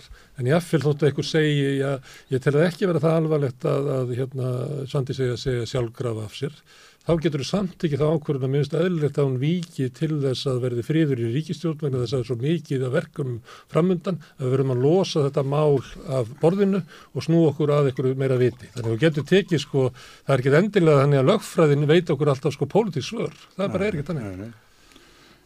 Nei, en heldur þú Katrín að ykkur stjórnmálamæður eða stjórnmálaabbi myndi keira á því að banna kvalveðar í ykkur kostningabaratu? Trúur þið virkilega að meirildið þjóðurinnar sé sammála þeirri því að Það er það sem að skoðanakannanir sína mér skusti en ég veit ekki hvort ég kom eitthvað andaglas með þér um það hvað myndi gerast ef að hérna, einhver myndi leggja þetta mál á ottin ég tel að bara virkilega ólíklegt þannig að ég þetta er svona fabuleringar en, en ég held að, að ég, sko þetta mál hefur verið svona lítil þúa sem hefur velt ymsum hlössum hinga til og undarlega stórum hlössum reyndar. Þannig að ég veit það bara ekki, kannski verður þetta bara snild að kvalveði bannsflokkurinn kemur fram og myndi einhvern veginn tróðast inn í ríkistjótt með, með fimm þingmenn og bara ná þessu fram. Ef það er það sem þarf að gerast til þess að við hættum þessu þá bara myndi ég fagna þeirri niðurstu. Mm. Við höfum mörg mál þar sem að meirliti þjóðarinnar hefur ykkur afstöðu eins og um stjórnarsjón en flokkar sem hafa það afstöðu ná ekki meirlita eða kótanum, ég held að þessi 70% þjóðinni vill ekki geta kótakerfi mm. samt er þjóðin ekki að kjósa sko 70% flokkar sem að vilja breyta kótakerfi Þetta er líka, já, já, þetta er líka eitt af þessum málum sem sínir okkur hversu gallað þetta flokkakerfi er þó að það hafi líka kosti. Veist þetta er bara, það er mörg mál og ég er náttúrulega, minn líður eins og ég sé pínu að endur taka mig ef ég fært að nýja stjórnarskrona en það er nú samt þannig að það var Við getum sagt fólki bara að spila aftur það sem þú ætti að segja og hafa í huga að þú setja að tala um stjórnarskrona ekki hvali. Þið segið á mínútu 14 til 16 er þetta spóla. En hérna, ég, nei, ég vil bara segja að þetta er svona klassist dæmi þetta er, er í raun uh, raukfræðileg villa þú veist, að halda því fram að uh, af því að flokkur sem setti stjórnarskrona oddin fekk ekki brautargrengi, mm -hmm. þá vilji fólkið ekki uh, stjórnarskrona. Þetta er náttúrulega bara algjört bull. En þetta sýnir svo vel hvað við erum först í þessu flokkakerfis uh, heila þvættum, vil ég lega mér að segja. Alveg svo þátturum byrjaði kannski og, og hérna núna, veist, þetta er ekki rétt. Þetta er bara starfræðilega ránt að halda þessu fram að ef að, þú veist, það getur verið bara einhver ofbúrslega ósympatísk hérna, manneskja sem hefur það, þá, þau áhrif að fólk getur ekki hugsað sér að kjósa eitt flokk mm. og það er ekki þar með sagt að fólk sé hafna málefninu, þú veist, þetta er bara algjör mm. raukvilla, mm. en við höfum til, sem betur fyrir til mis dæmi sem sína hversu alvarlegt þetta er eins og til með stjórnarskamálið það sem við höfum þó minnskusti þjóratkagreyslu árið 2012 mm. það sem meirlutin sagði að hann vildi leggja þessa stjórnarskrá til grundvalla, þessa stjórnarskrá Íslands sá meirluti hefur aldrei horfið alla kannanir eftirleiðis hafa sínt okkur sama meirluta mm. en stjórnmálinn ná ekki að leiða hann fram og stórt mál fyrir það auðvitað ekki að stjórna í takt við vilja almennings mm. það er sorglega sko ég veit ekki hvort að sko pólitíkin það er náttúrulega sko annars stórt mál en efnarsmálin en Mér langar að fara yfir annars brúkusveið. Sýrjur Dögg Auðstóttir, formað Blagamannafélagsins. Það var uppsótt hjá ykkur. Já, um, það er alltaf erfitt að, að knýja fram breytingar á, á, á, á félögum og mm. sérstaklega fólk er búið að vera við völd og vera starfandi langan tíma. Og uh, það sem gerist þarna er uh, að stjórn félagskjörin stjórn mm. tekur ákvarðun um það að sem er búin að eiga sér langan aðdraganda mm. uh, búið að vera í umræðinni frá því í april að það sé nöðsynlegt að endur nýja uh, svona þá færni sem er til staðar á skrifstofunni í takt við uh, þau verkefni sem að stjórn er búin að ákveða að fara í. Um, samlega því Svo í bakkinu bara meira sér aðeins, ég var kjörinn sem formaður 2021 á frambóðsfundi, við vorum tvö sem byggðum okkur fram, vorum við sérstaklega spurðum það eh, hvort að við ætluðum að segja framkvæmdastjóranum upp sem hafði áður verið framkvæmdastjóri og formaður frá því eh, 2010 og ég lísti því að þessum frambóðsfundi að ég ætlaði að gera það, mér finnist það eðlilagt að nýr formaður uh, myndi sagt, taka með sér nýtt fólk inn á skrifstofuna til að vinna þeim verkefnum sem óhjagkvamila væru önnur en það breytist stefna félaga með nýri fórustu. Um, ég vil bara uh, viðkjörna það að þá áttaði mikið á því að Hjálmar Jónsson var hann 65 ára gammal og þegar ég tek við sem formaður og og ger mig grein fyrir því að þar er maður sem búin að starfa 15-20 ár hjá félaginu, 20 ár hjá félaginu og er 65 ára gammal. Þá kæri ég mig ekki um að vera svo manneskjum sem segir upp 65 ára gamlu manni. En það hefur það bara sínt sig að það er erfitt að koma út af vinnumarkað en 65 ára gammal mm -hmm. með bara takmarkaða möguleika, það er bara aldursfórtamar á vinnumarkaði þannig að mér fannst bara eðlilegt að, hingra þá getur maðurinn verið um 67 ára og eiga þá samtali við, um, við hann um hvers, hvernig hann sæi sína framtíð hjá félaginu. Það gerist í april síðastlinum, hann var 67 ára þá, uh, stjórnin uh, ákvað þá að, að eiga svona bara óformlagt samtal við hann um hvers, uh, hvernig við myndum vilja haga framtíðar skipulagi skrifstofu vegna þess að við uh, sáum fram á það, það væru mestalagi einhver misseri, mestalagi þrjú ár, hann lísti því yfir sjálfur, hann myndi vilja vinna til sjötugs, uh, væri mestalagi þá þrjú ár sem hann ætti eftir að starfa á þessari skrifstofu. Og okkur fannst mikilvægt að, að hans færni og, og reynsla og, og hans góðu samskipti við félagsmenn myndi nýtast félagsmönnum og félaginu áfram. Þannig að við hóum strax samtal við hann um um, svona hvernig getum komið þessum breytungum við þannig að um, uh, það myndi gagnast félagsmunum sem best, myndum fá inn nýtt fólk, nýjan frangvandastjóra sem hefði uh, aðra færni en hann. En á sama tíma buðu vonum að starfa áfram og njóta sumu kjara og að mörg, uh, miklu leiti til vinna sumu verkefni og hann hafi gert. Uh, við vildum að hann uh, væri áfram kjarafulltrúi uh, og syndi réttinda hagsmunagæslu fyrir félagsmenn. Hann syndi áfram svona fastegna umsýslu, við erum með sumubústæði og eigum eignir sem hann hefur gert bara með miklum ágætum. En okkur fannst eðlilegt að, að, að fjármálinn og umsálum fjármálum færi til nýs framkvæmdastjóra. Um, þetta samtal átti sér stað um, nokkura mánu skeiðu fengum Uh, utan að komandi ráningarskrifstofu til að veita okkur aðgjöfum það. Hann var upplýstur um það allan tíman í, í sumar að hvað stæði til og ráningarskrifstofun getur vottað um það. Það fór fram starfagreining hjá félaginu til þessi svona kortleggja hver Já. verkefnin eru þannig að við vönduðum okkur mjög mikið og töldum að þetta væri og all, allar þessari ákvarðinir voru teknar á stjórnarfundum Um, ég rætti um þetta við hann marg oft í sumar og þegar ég kem tilbaka eftir sumafrí þá uh, er komið upp þessi, þetta, þessar ásakanir á hendur mér um, um skattalegast uh, misverðli sem að ég útskýrði fyrir honum eins og ég hef útskýrt fyrir þeim sem að hafa spurt mig að, að uh, ég gerist ekki, ég fekk ekki sátt, ég, var, ég gerði ekki sátt, ég fekk ekki sagt og ég var ekki til rannsóknar vegna alveglega skattabróta, ég var ekki ákærð og ég var ekki dæmt. Ég fekk um, endur álagningu og ofinbæra gelda vegna þess að það vantaði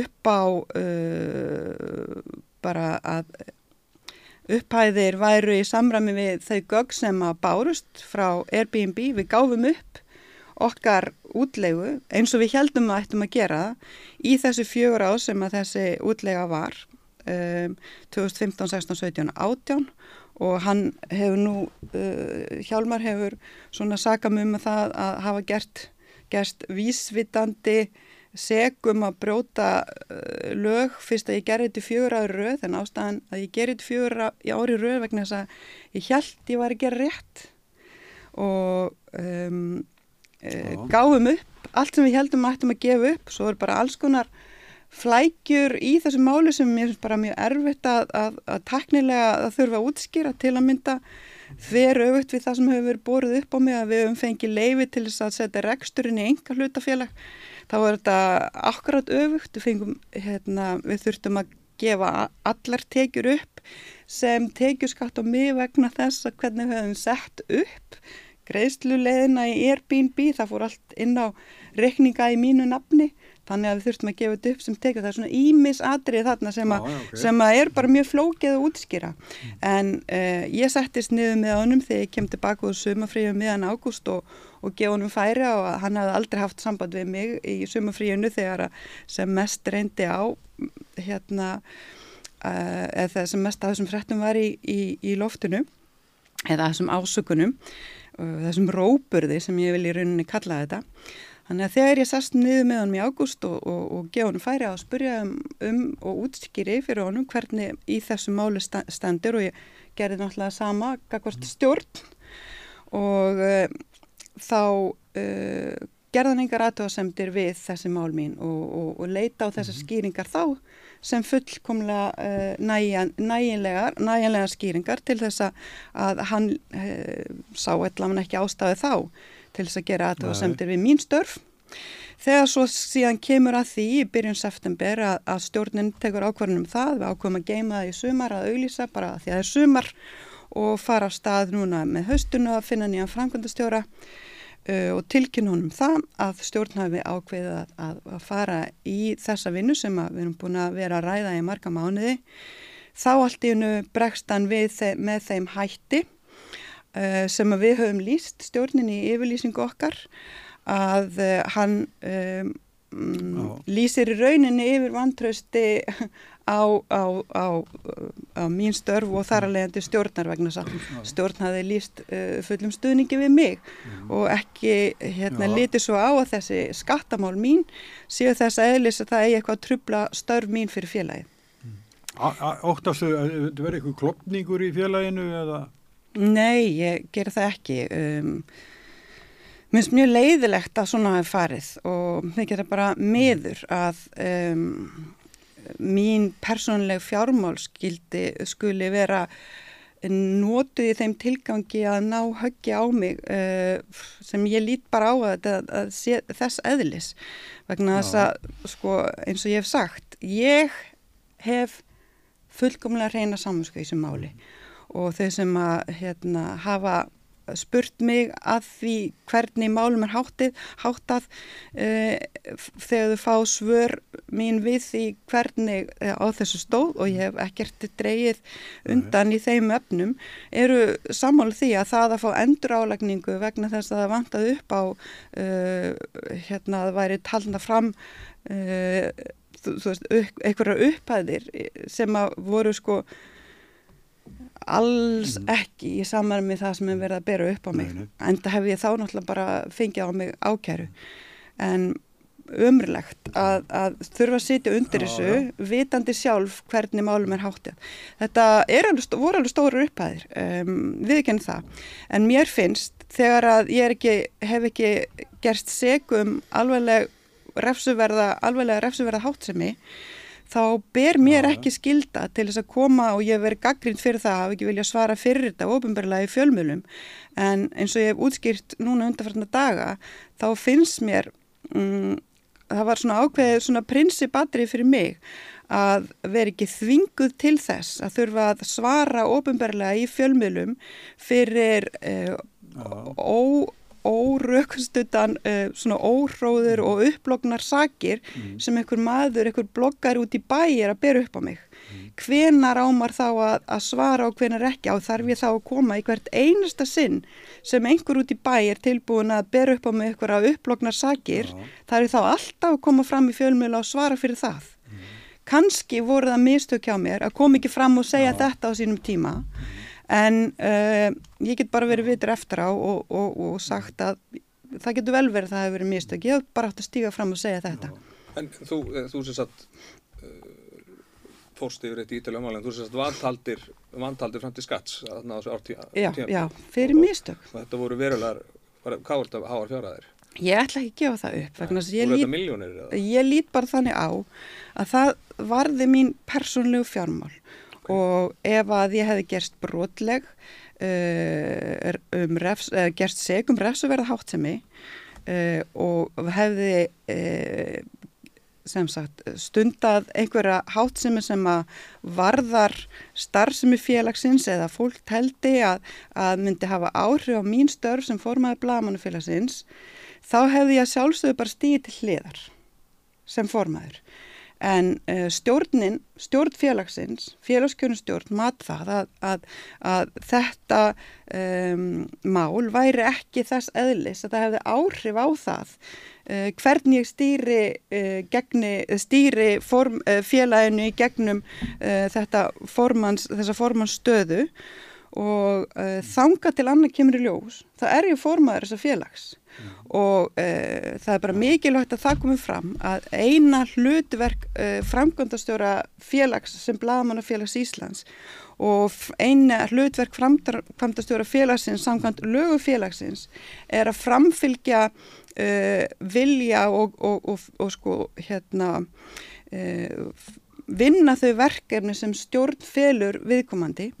Þegar kemur í ljós að um, hann gerir það ekki sem hefur marg ítrekkað gerst og hvort sem það er vegna þess að hann er ósáttur við að við séum að ráða nýjan framkvæmdastjóra eða vegna þess að hann er ósáttur við mín persónlegu fjármál þá, lí, þá lítur fólk að, að sjá það að uh, hann er ekki að vinna vinnun sín, hann er ekki að, að uh, vinna þau verkefni sem að eða sinna þeim störfum sem honum farið að sinna. hérna, Við verðum svona aðeins að Nei, nei, þetta Já. er bara allt sem hefur Já. komið fram í yfirlýsingu Já. frá stjórn að uh, hann sagði sjálfur frá því að uh, uppúr hafi soð, soðið á milli okkar þegar að hann var beðin um að um, skrifa undir heimild sem prókur hafi um að ég hafi skoðun aðgang að reikningum félagsins ákverðin sem að stjórn hafi tekið, hafði tekið einróma, það var verkefni sem stjórn var að fela honum og hann varði ekki við því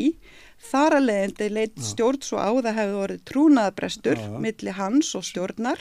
Þegar hann neytar að vinna þau verkefni sem stjórn felur honum hann neytar að mæta fund með, fram, með formanni og varaformanni og það lítur að gefa auga leið að maður sem er það eina hlutverk innan félagsins að vinna þau verkefni sem stjórn felur honum getur ekki lengið un, lengur unnið með stjórn Nei, ef hann gerir það ekki. Og svo er niðurstað núna. svo er niðurstaðan núna. Og ég ætla ekki að fara uh, í það að ræða eitthvað sérstaklega uh, hans uh, hérna, starf innan félagsins en það eru bara margir mjög ánæðir með það sem hann hefur gert fyrir félagið. Við þökkuðum honum í yfirlýsingunni sem við sendum frá okkur þegar að við tilkynntum hans starfslokk þökkuðum honum fyrir hans framlega til blaðamennsku og uh, vinnu í þá kjara baráttu blaðamann á Íslandi Já. og ég stend við það. Já.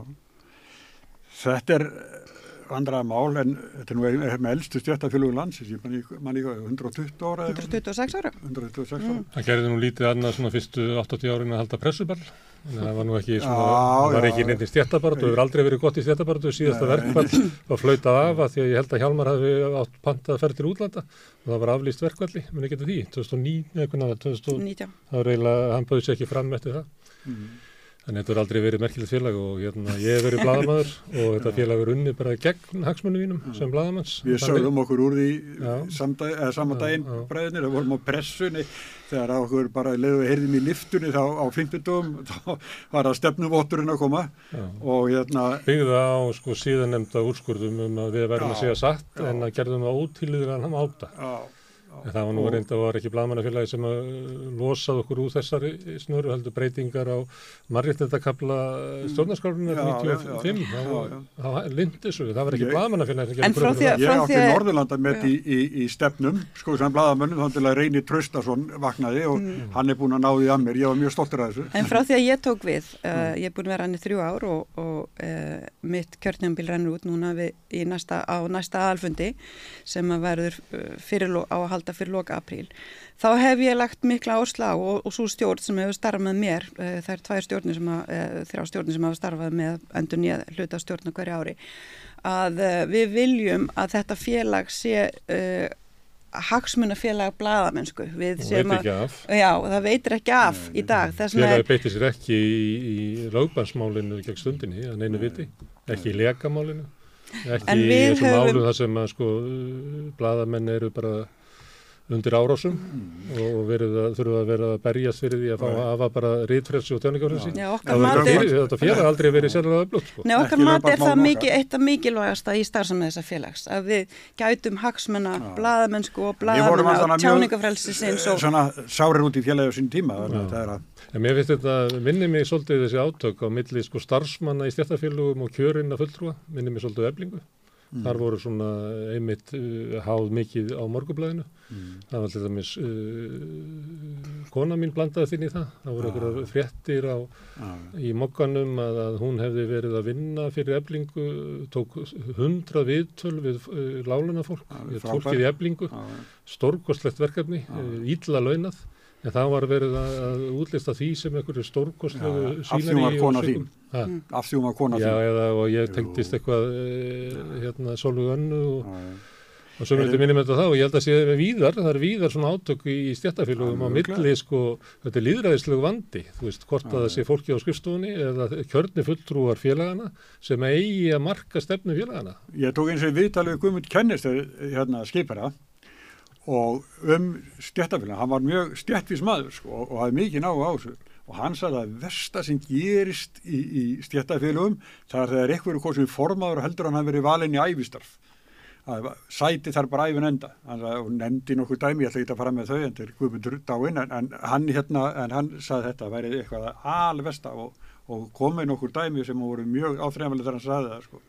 En já, en eitt sem ég hef áhuga að pæli í sko, hvert, hvert er hlutur baðamannafélagsins núna í þessu breytta umhverju fjölmjölunar, þetta eru Sko allir vakstabrátanir í fjölmjölinu þetta eru til bara einstaklingar sem eru að kera mm -hmm. sitt degi prógram saman hvort mm -hmm. það eru podcast eða hvaðan að hvernig, hvernig passa blagamannafélagið inn í þessa nýju mynd fjölmjölunar þar sem að þessi stóru skorpnu miðlar eru kannski svona, svolítið á undanhaldi Sko það er bara mjög mikil það er tölum um sko og það er eitt svona af því sem við erum búin að vera að ræða uh, í fæinu undanfarið og sérstaklega inn, inn í félaginu að gera greinamun á, á bladamennsku og fjölmiðlun og, og, og bladamennsku og uh, svona skoðana um, svona mm. Segja, fólk sem er að lýsa skoðunum sínum og hlutunum eða, eða uh, já, skoðunum sínum og fréttum jáfnvel vegna þess að eins og bladamennska var lengi við eins og bara bladamennska var fyrir hundra árum sko, þá voru menn að skrifa hér út alls konar málgum, Ísafold og já, Reykjavík ég held að þessi emmitt í ljósi þess ljósi þess sem að ljósi þess hver hérna miðlunar leiðin er orðin breytt Um, þá sé ennþá mikilvægur núna en nokkur sinni fyrr að skilgreina hvað er bladamennska, hvað fælst í bladamennsku. Góð bladamennsku. Góð, já bara bladamennsku. bladamennska getur líka verið vond og góð en það er ekki bladamennska uh, nema þú uh, vinnir samkvæmt síðareglum bladamanna og, og, og nýtir þau verkværi sem við höfum. Og það er bara mjög skýrt þau vinnubröð sem við verðum að tilengja okkur og þau viðþorf og, og það er uh, já, við okkar efnisvinnslu og framsetningu um, þú getur alveg verið bloggari, þú getur verið með podcast um, og verið bladamöður og stunda bara mjög vandaða, mikilvæga uh, öfluga bladamennsku en þú getur líka verið sko bara uh, áróðusmiðl og, og, og sko bara algjörlega sko svona unnið gegn þessum eða í anstöðu við segja reglur bladamanna en þá hefur ekkert rétt á að kalla þið bladamadur um, hvort tveggja alveg rétt á sér í samfélagin í dag. Við þurfum bara að hafa pláss fyrir alla þessar rattir en það er bara mikilvægt að við stöndum vörð um bladamennsku og svona upplýsum fólk betur um hvað fælst í því og þetta snýst líka um svona uh, þessa hérna svona uh, svona skilning fólks og, og getu fólks til að meta upplýsingar, upplýsingaóreiðu, fjölmiðla læsi, upplýsingalæsi, allt þetta er svona, svona ný orð sem að er verið að henda fram í umræðin en eru ofbóðslega mikilvæg í okkar líðræðið samfélagi vegna þess að við erum einmitt að sjá að það er orðið svo ofbóðslega óskýr mörg á milli svona uh, vandara uh, hérna, mm. trúverðugra sannreindra rits, svona styrðra upplýsinga sem þú átt að geta tekið marka á og áróður sem að hefur kannski allt annan, an, annanlegan, annarlegan tilgang og jáfnveil hefur þann eina tilgang að blekja þannig að umræðan um hlutverk blaðamennsku samfélagin dag hefur aldrei verið mikilvægri heldur en núna og að fólk að við, sko, eitt, ég sé bara eitt af stóru hlutverkum og verkefnum blagamannafélagsins núna næstu missurum er einmitt að fræða og upplýsa fólk um hvað er blagamannska og hversagna getur við treyst því mm. sem kemur frá blagamannum og líka um, uh, svona að, að árétta uh, hlutverk blagamennsku gagvart líðræðislegri umræðu og, og svona líðræðis hlutverkinu að, að um, það er eitt að stjórnvöld hafi eins og um höfum séð svo mikið undarferðinu, svona, svona beinan aðgang að, fólki í gegnum sína samfélagsmiðla sem er bara gott og vel.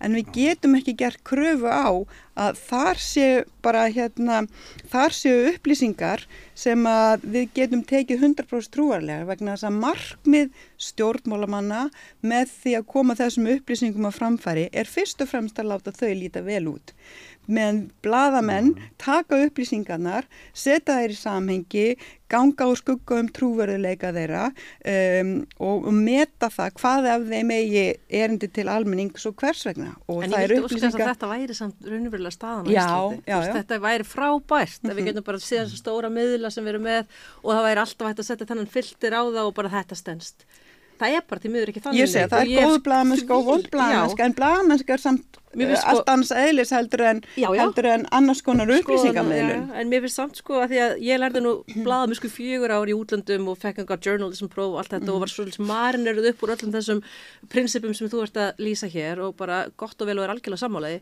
en alltaf þegar ég skoða það sem við eigum hér á Íslandi sem eru okkar sammeilur fjölmeilar þá finnst mér við vera, okkur vera að hraka hvað þessi prinsip varðar mm. og mér finnst það ekki síðan mikilvægur heldur en þess að hann er að benda á bara ok, þú veist það komið fullt að nýju hvernig, hvar endar þessi lína ekki síðan mikilvægur finnst mér verið að tala um varðandi líðræðið okkar og fjórðavaldi sem fjölmjölar eru, bara gæðin á þessu En hvaða miðl ertu þá að tala um? Dæmis, og við hvað ert að miða? Vegna þess að ég horfa á fjölmjölu á Íslandi í dag já. og mér finnst þau bara að vera stunda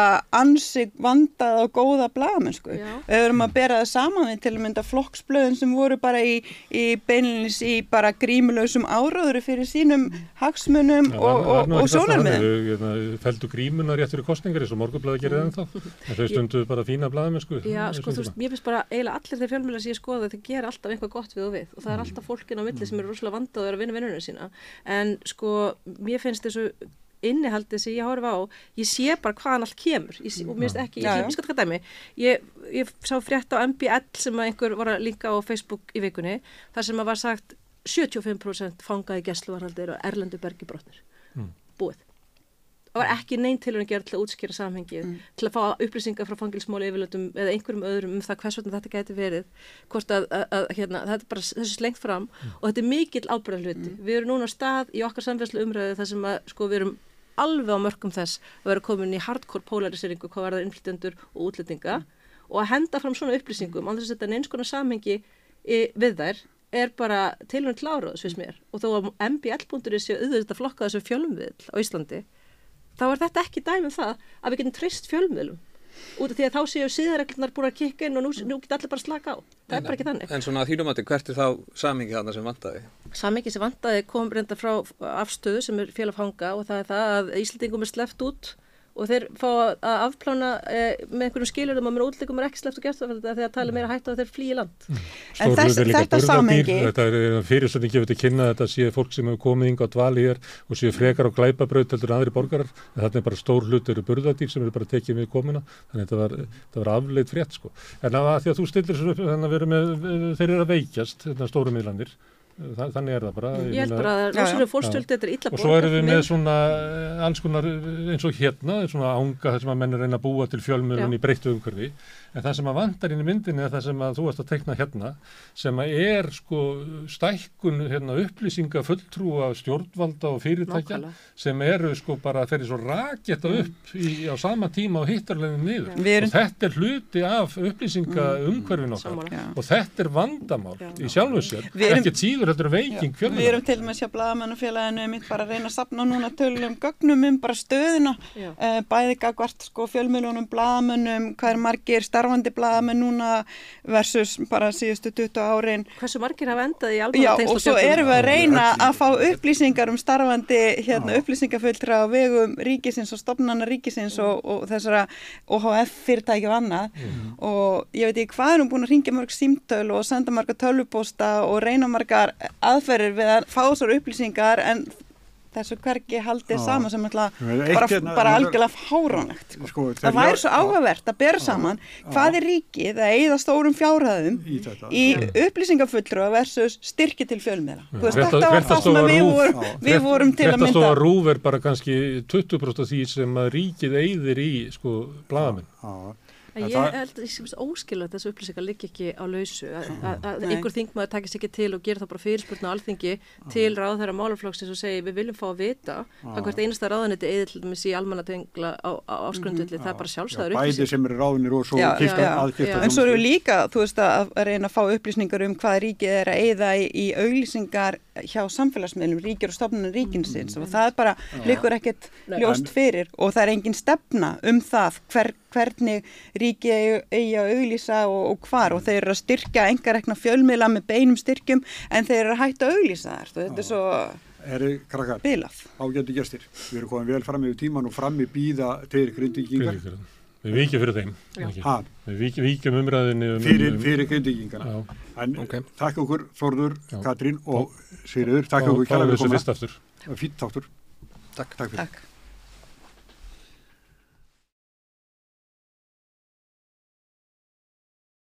Erum nú ætlum við að ræða mál, málana sem að er Grindavík og það eru ekki litlar fréttir. Hinga eru komnið tveir grindvíkingar, Hilmar Freyri Gunnarsson og Páll Valur Björnsson. Verið velkonir Þetta er, það veit ekki hvað þetta er. Hvað er það sem er að gerast? Já, ef ég á að byrja þá held ég að það sem er að gerast er það bara sem hófst fyrir uh, þreymur árum rúmum Já, að Reykjaneskaðin er komin í gang Mm. eins og svo sem jarfræðingar hafa sagt okkur í gegnum tíðina að, að, að, að hérna svona eldvirk svæði þau fara í gang á milli 750 til 1000 ára og er í gangi áratugji. áratugi og, og, og, og þetta hófst þarna eh, hjá okkur, eiginlega í bakarinn hjá okkur var svona voðalega þægileg túristagós og allir voðalega glæðir og Mm. vissulega jarðskjáltar og annað sem en hafði ekki bein áhrif okkur, okkur grindíðinga þannig þetta var hann aðeins í fjarska, voðalega þægilegt fjarlægð Já, og jarðskjáltarnir hættu þá meðan, sko. já, þeir hættu á Þetta meðan, var sko. kosturinn. já, það var kannski kostur já, en mitt er að gósið var sko Já. en svo núna, sem sagt, þessi atbörður sem fóru stað í, í, í, í, í oktober og núna í byrjun nóvember, það, he- þetta var eitthvað á öðrum skala og það hefur aldrei sínt sig að hérna að, að það, þetta er eitthvað allt annað og miklu meira og í rauninni bara til dæmis þetta góð sem hóst í morgun er náttúrulega bara skelfilegt sko. Já.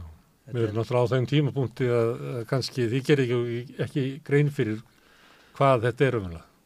ekki svo núna, staðan er núna þetta er bara, maður er bara að melta þetta í rauninni sko. maður veit ekki neitt Það raun byrjaði að inn í bæinn. já. maður var eiginlega vonast til svo, ég held að einhvern veginn að þetta myndi nú gerast ofa bara svipum stað og síðast þetta fær ekki svona nála við hinn, sko, það er svona ónótt í okkur út af þessu.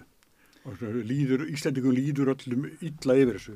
En hvernig er það fyrir ykkur? Þetta er bara sko, heimilinningar, vinnustæðirnir og, og skólarnir, leikskólarnir, allt. Sa- Samfélagið. sko núna er maður raunin að velta fyrir sig sko maður var á því að fara aftur tilbaka en í fyrsta skipti í morgun þá kom upp svo hugsun að kannski fyrir maður bara ekkert aftur heim Nei. kannski er þetta bara búið og hvað þá og þá er maður ennþá að taka hvað, hvað gerir ríkið fyrir okkur Þú veist, hvað, tekur þetta langa tíma Mm. óvissan er ennþá gríðaleg sko. Mm. Og svo er uh, ríkisvaldsins og flestra hefur verið svolítið að bara uh, gefa pínulítið eitthvað. Sko, er að ei- ekki innimt Já, að... já, mér finnst bara að vera svo mikið þöggun sko. Já. Er það kannski ósamstæð ríkistjórn eitthvað sem ég veit Hvað að? ég, sko, ég finna við erum náttúrulega nánast með óstarf, stó, óstarf hæfa ríkistjórn og, og við náttúrulega bara séð það. Við segið það bara hreint út og, þó ég vil ekki vera endilega að fara út í ykkur pólitíki Nei, en, þá er það bara þannig að þeir, þeir eru að rífast um, um hérna og tala aðalega um hérna vantröstilugur og, og, og, og, og kvalveðar og, og, og bílastæðagjöld á Akureyri við flugvöllin og, og, og veistu, mér, það er síður á manni stundum sko. En maður er einhvern veginn núna ef maður er allt í nú komin í þá stöðu sko að maður bara sunga niður sko. Og, já, ég meina eh, vissulega eh, veist, það hafi bara hvert áfallið dunið á fætur öðru ámanni skilur þetta áfall hérna tíunda hérna november svo aftur fyrir að gjósa 18. desember. Síðan lendi ég persónulíð á mín fjölskyldi það að bæjastjórn grindaður tekur ákvörðunum að loka skólastofnun sko, sem að kona mann mín var í forsvari fyrir og það, það var gríðarlegt áfall. Og, og, en, það er náttúrulega alltaf eitthvað sem hættur að komast yfir skiljiði en svo kemur þetta núna og núna bara segi ég eins og Hilmar ég reyndar var búin að ákveða það ég, ég meina eftir því sem, sko, ég las jarfræðisu Reykjaneskaga í síðustu viku. Og ég var líka búin að kynna mér hann áður þegar ég var í skóla, bókin hans Ara Trösta og fleiri, það sem þetta segir um þetta sem ég sagði á hann. Þetta byrjar og þetta verður á einhverjum vissum árabili 750 til 1000 ár. Og svo stendur þetta í ár hundruð kannski. Já. og, og, og, og, og ég, ég fór strax að veltaði fyrir mig ætla ég að fara að búa við þetta eða, eða, eða á að fara vill maður það? Ég var ekki alveg það sko. Ég, vil ekki, ég vildi það ekki en, en ég er náttúrulega ekki eitt sko það er fullt af hérna, fólki Já. sem bara vildi fara. Því sáu það að það voru komna 60, 70, 80 fjölskyldurinn í Grindavík. Og það er bara fólk sem ætlaði sér að fara að byggja upp bæin og ætlaði bara að fá að vera heima og hunsa þessar viðvarðan og annað. Og, og, og, og, og, og hérna en nú bara kemur þetta í ljósa það sem menn voru að segja var alveg rétt sko. Og þessi kvikugangur, ég bara ég var þarna í, í síðustu viku í þrjár nætur bara vildir í nöðsinn, ég hafði ekki þetta önnur hús að venda og, og, og það var virkilega ónóttalega tilfinning og mjög dabulegt að vera þar fannst mér. ég svaf mjög illa nánast ekki neitt en ég svaf smó ég náði mig niður öðru hvoru. En svo bara líka fyrir þetta hvað svo óskaplega dabulegt var að keirum bæinn og sjá það. Þetta var svona svo Hvað er? Já, hann var bara mjög illa farin, miklu meira verr farin heldur en ég held sko er- þess að það er mikið að sprungum sko. Hafið heyrti rétt í morgun, þá er að tala um að, að sprungurnar í bænum, að þær eh, stækka, þær Já. breyka. Já, við erum að tala um það. já. Já, alveg upp í einn meter eh, ef ég tekið rétt eftir. En Hilmar að þú sagði þöggun, þöggun um hvað? Þöggun um þessi málefni í Grindavík. Það er svo stöðu ykkar grindíkinga. Já, lífyrirsjósmálin. Mm, Það heyrist ekki neitt. mm, Það er bara að er um það. mm. Af hverju? Af hverju má ekki tala um það? Þetta er bara, ég, maður bara skilur þetta. Og þá fjárastöðu ykkar, hvort að fólk sé Já, í sko, húsnæði. já, já, sko hluta af þessu fólki sem að fótt tilbaka er að fara tilbaka af ytri nöðsinn, sundaði, sko, ekki allir. En eins og þess að þrjánættur hjá þér að það var bara Já, þú veist, ekki þetta önnur er bara, hús. fólk, fólk hefur ekkert, hefur, hefur ekkert val. Fólk er komið í þótt fjáraslega, Já. en það er ekki tekið neitt til til þess. Þannig að stöðningu stjórnvalda við grindíkinga og hamfærinar eru á Og, ykkur. já, sko, stuðningurinn, sko, þeir hætturinn, sko, þeir, þeir rættuði bankana, tók, tóku þann slag, Já, hættu svo bara. Mm. Svo var það ekkert meira. Þeir glimtu bara, hérna, þeir sem er að leia og þeir sem eru með lífyrirsúslánin eða lána eitthvað starf annars þar heldur en í böngunum. Hvað var það fólk að gera? Það bara fólk fengu ekki, var ekki húsalegu styrkur, eitthvað 200? Jú, jú, jú, Jú, það jú, eru en það er 75, bara- já. 75% af leigu Já, já. þannig að ef þú ert með 200 skronar leigu þá farið þau 150 skall sko. Þú ert að borga kostnað af, af húsinu þínu í Grindavík eða út með lífyrirsvæslan til dæmis. Já, já, ég, ég reyndar ekki mér lífeyrisinslán ég fekk hann að fyrstingu í þrjá mánuði og, svo veit maður ekkert hvað verður sko. En ef við tökum lífyris, uh, segjum að lífyrirsjóðnir, þeir vilja ekki hérna gera það sama bankanir. Þeir er ekki að En þeir ætla ekki að gera, það, þeir eru búin að gefa það. segjum að þeir ætla ekki að gera það. Má ekki ríki bara ganga á milli og segja, já við borgum þá bara... En sko, þetta, þetta er rosa, þetta er bara mjög einfalt. Ríkið átti bara í byrjun að taka bara ríkis ábyrð. Þannig að allir, allir sætu bara í sama Við borð. sama borð. Þetta er bara mjög einfalt. Já, ég kom hérna í til Gunnarsmári og ég fór reyndar í viðtal líka á Rí- rúf þar bara tók ég þetta saman, kona mér fór líka í viðtal uh, á, á rás 1 uh, og, og í þallum þessum viðtölum sögðu bara að ríkið verður bara að grípa okkur. Og það verður sko, varnagararnir sem að, er búið að gera þeir, þeir hafa sanna gildi sitt núna þeir síndu það. Nefn, þeir, þeir ráða náttúrulega ekki við það þegar sprungan opna sunna með við. nei, nei, nei. En- en þeir hafa sínt að hitt að það, hef, það hefur gert það. Að það þurfti að slá strax skjaldborg og varnagarð utanum íbúa grindavíkur Mm. og tryggja það og segja okkur það að það færi engin óbættur á garði það. Það hefur er- verið gert. það hefur bara ekkert verið gert. Það hefur bara alls ekkert verið gert.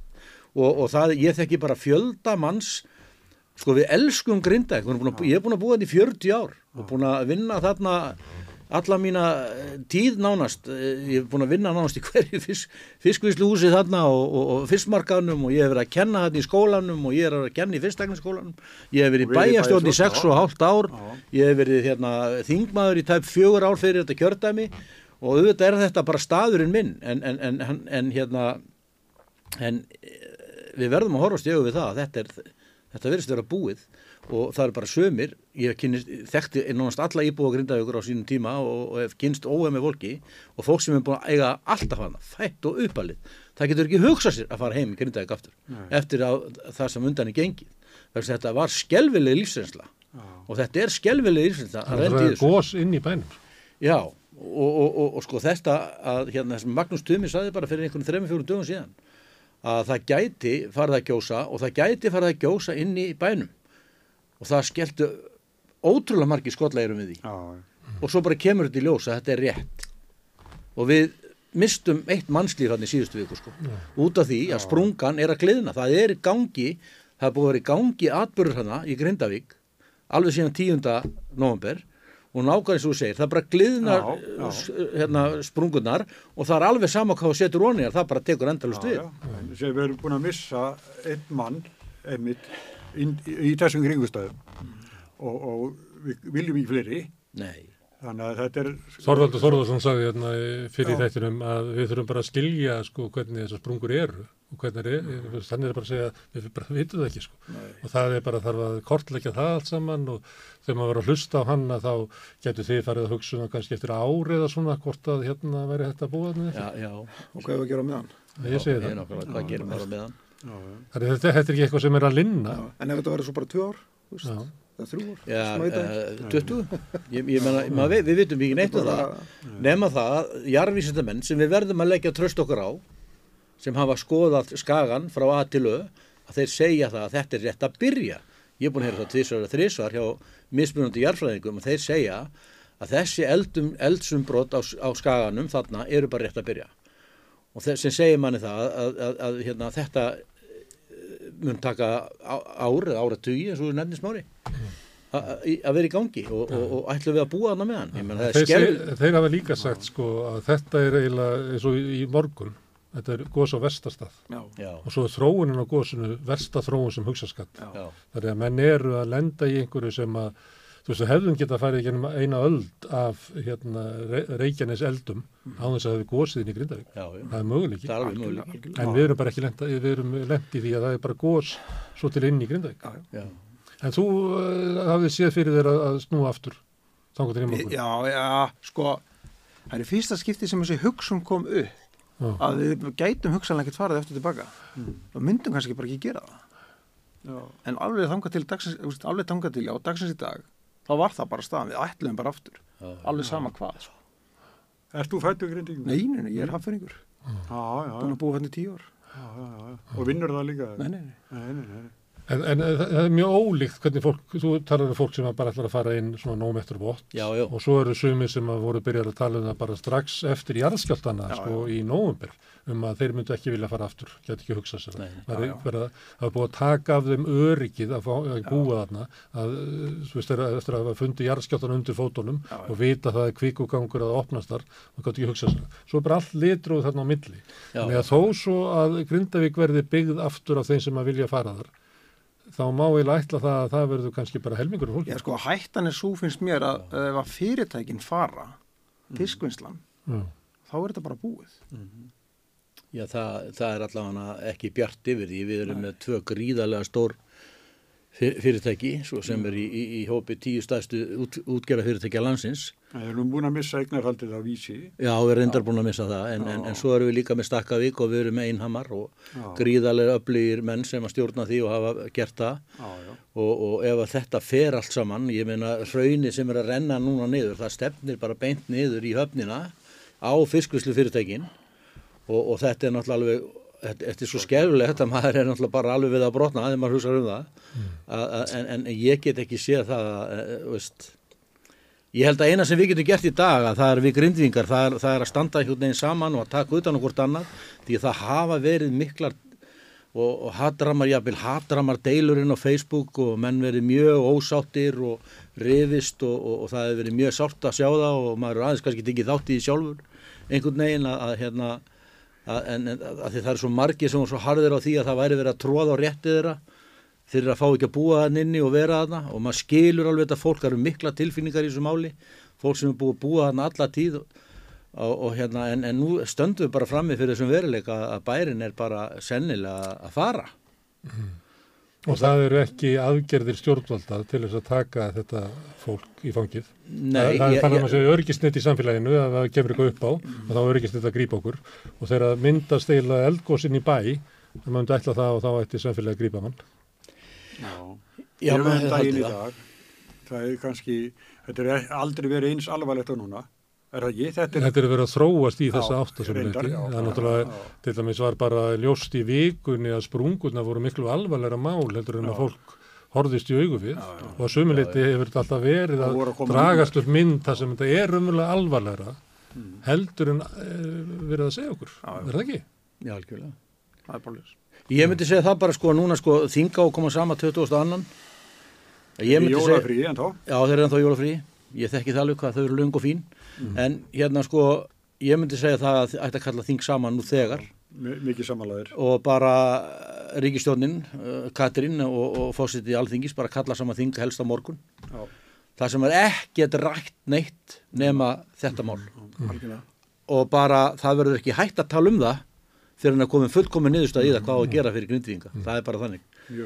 Bara við getum lagt vantraust tillögur og allt til hliðar Þetta er ábyrðaleysi algjört. sko. og, og, og, og það er bara þetta núna, það er bara heilt bæjarfélag, 1% íbúa uh, og, og hérna, sem er í áfalli, algjörlega áfalli og svo mikill óvissu, nánast að horfa upp á bæjar sem hverfa núna í dag undir hraun, að það, það, þetta verður bara að gerast, þetta verður bara að gerast. Sko. Til þess að mæta uh, þessu fjögur þúsund sem að þurfa að fá okkur að vissu um fjárhagstöðu sína, félagslega stöðu. Það átti náttúrulega bara að vera klart sko. Þetta Átti að átti vera náttúrulega bara alltaf að vera tilbúið sko. Ég meina ef, ef, ef, ef, ef, já, já. Þetta er ekki að gerast í fyrsta skipt á Íslandi sko, svona hamfari sko. nei, nei, Það sem fólk þarf að rýma í, í lengri tíma sko. Nei, nei. Manni fannst það þarna, eftir jarðskjáttan í november að þá voru alls konar aðgerðið við að mæla og viðbröð og byrja að ræða varnargarða og hitt og þetta. já, já, Svo flúði fólk bæinn og manni fannst það þegar það kerði bara framjá bláa lóninu að þá væri ekkert sem að taki við því. Sko. nei. Það hefði glemst að búa til aðgerðar áallun til að mæta 4000 grindvikingum á flotta. staðan. Og síðan hefur liðnið 100 dagar eða eitthvað. Já. Og það er ekkert mikið svo sem hérna það er eitthvað hérna, aðgerði við að er ekki HM, HMS að kaupa ykkur húsnaði á Jú, jú, markaði, og bríet og eitthvað, það er verið að kaupa einhverja íbúðir og 200 íbúður. dónsmálar á þeirra nefndi það eitthvað í gæri en sko, að það veit engin meir en hitt um það. Nei, nei. hvernig það er, þetta er bara einhvern veginn svona löst í reipunum, alveg svo Hilmar nefnir hérna. Auðvitað, ég hef nefnt þetta áður að við erum einn ríkasta þjóð í heimi. Og, og hérna þá bara vera til hérna og og eins og hann nefnir, það eru náttúru hann farið snjóflóð, ofanflóð uh, og bara örflóð og, og, allskins hamfærir sem að hafa lent vestmanni er meðal annars og, og, og ég menna þá bara vera til hér sjóður sem grýpur fólk í svona aðstæð þá bara að vera þannig í svona ríku landi. En það, eh, hver er staðan á náttúrtryggasjóði, við höfum bara ekki hugmyndu það. Og, og, og hérna eh, þetta er náttúrulega alveg grátlegt sko. En kannski ekki, kemur kannski ekki óvart í ljósi stöðunar hverju hafa stjórna landinu svona lengi Nei, nei.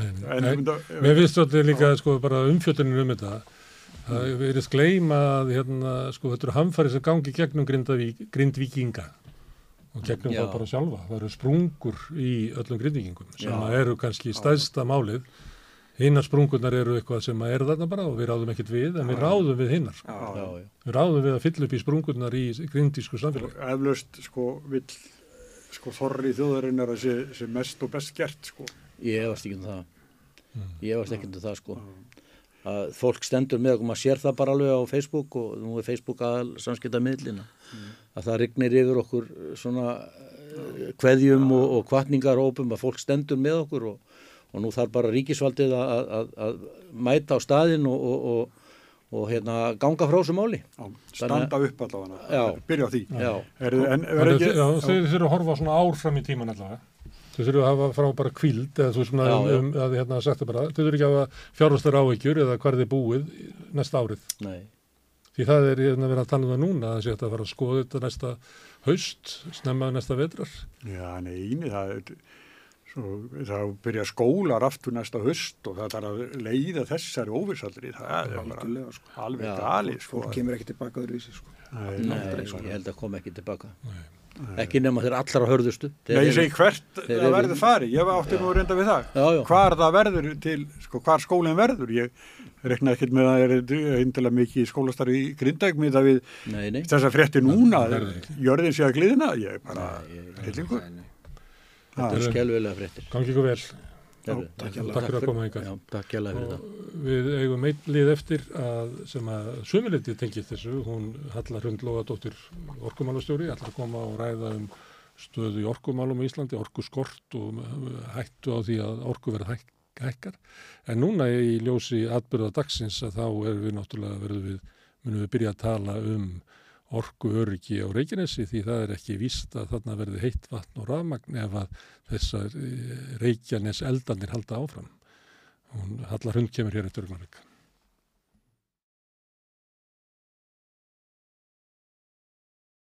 Já, hingað komin Hallar Hund Lóadóttir, orkumálastjóri.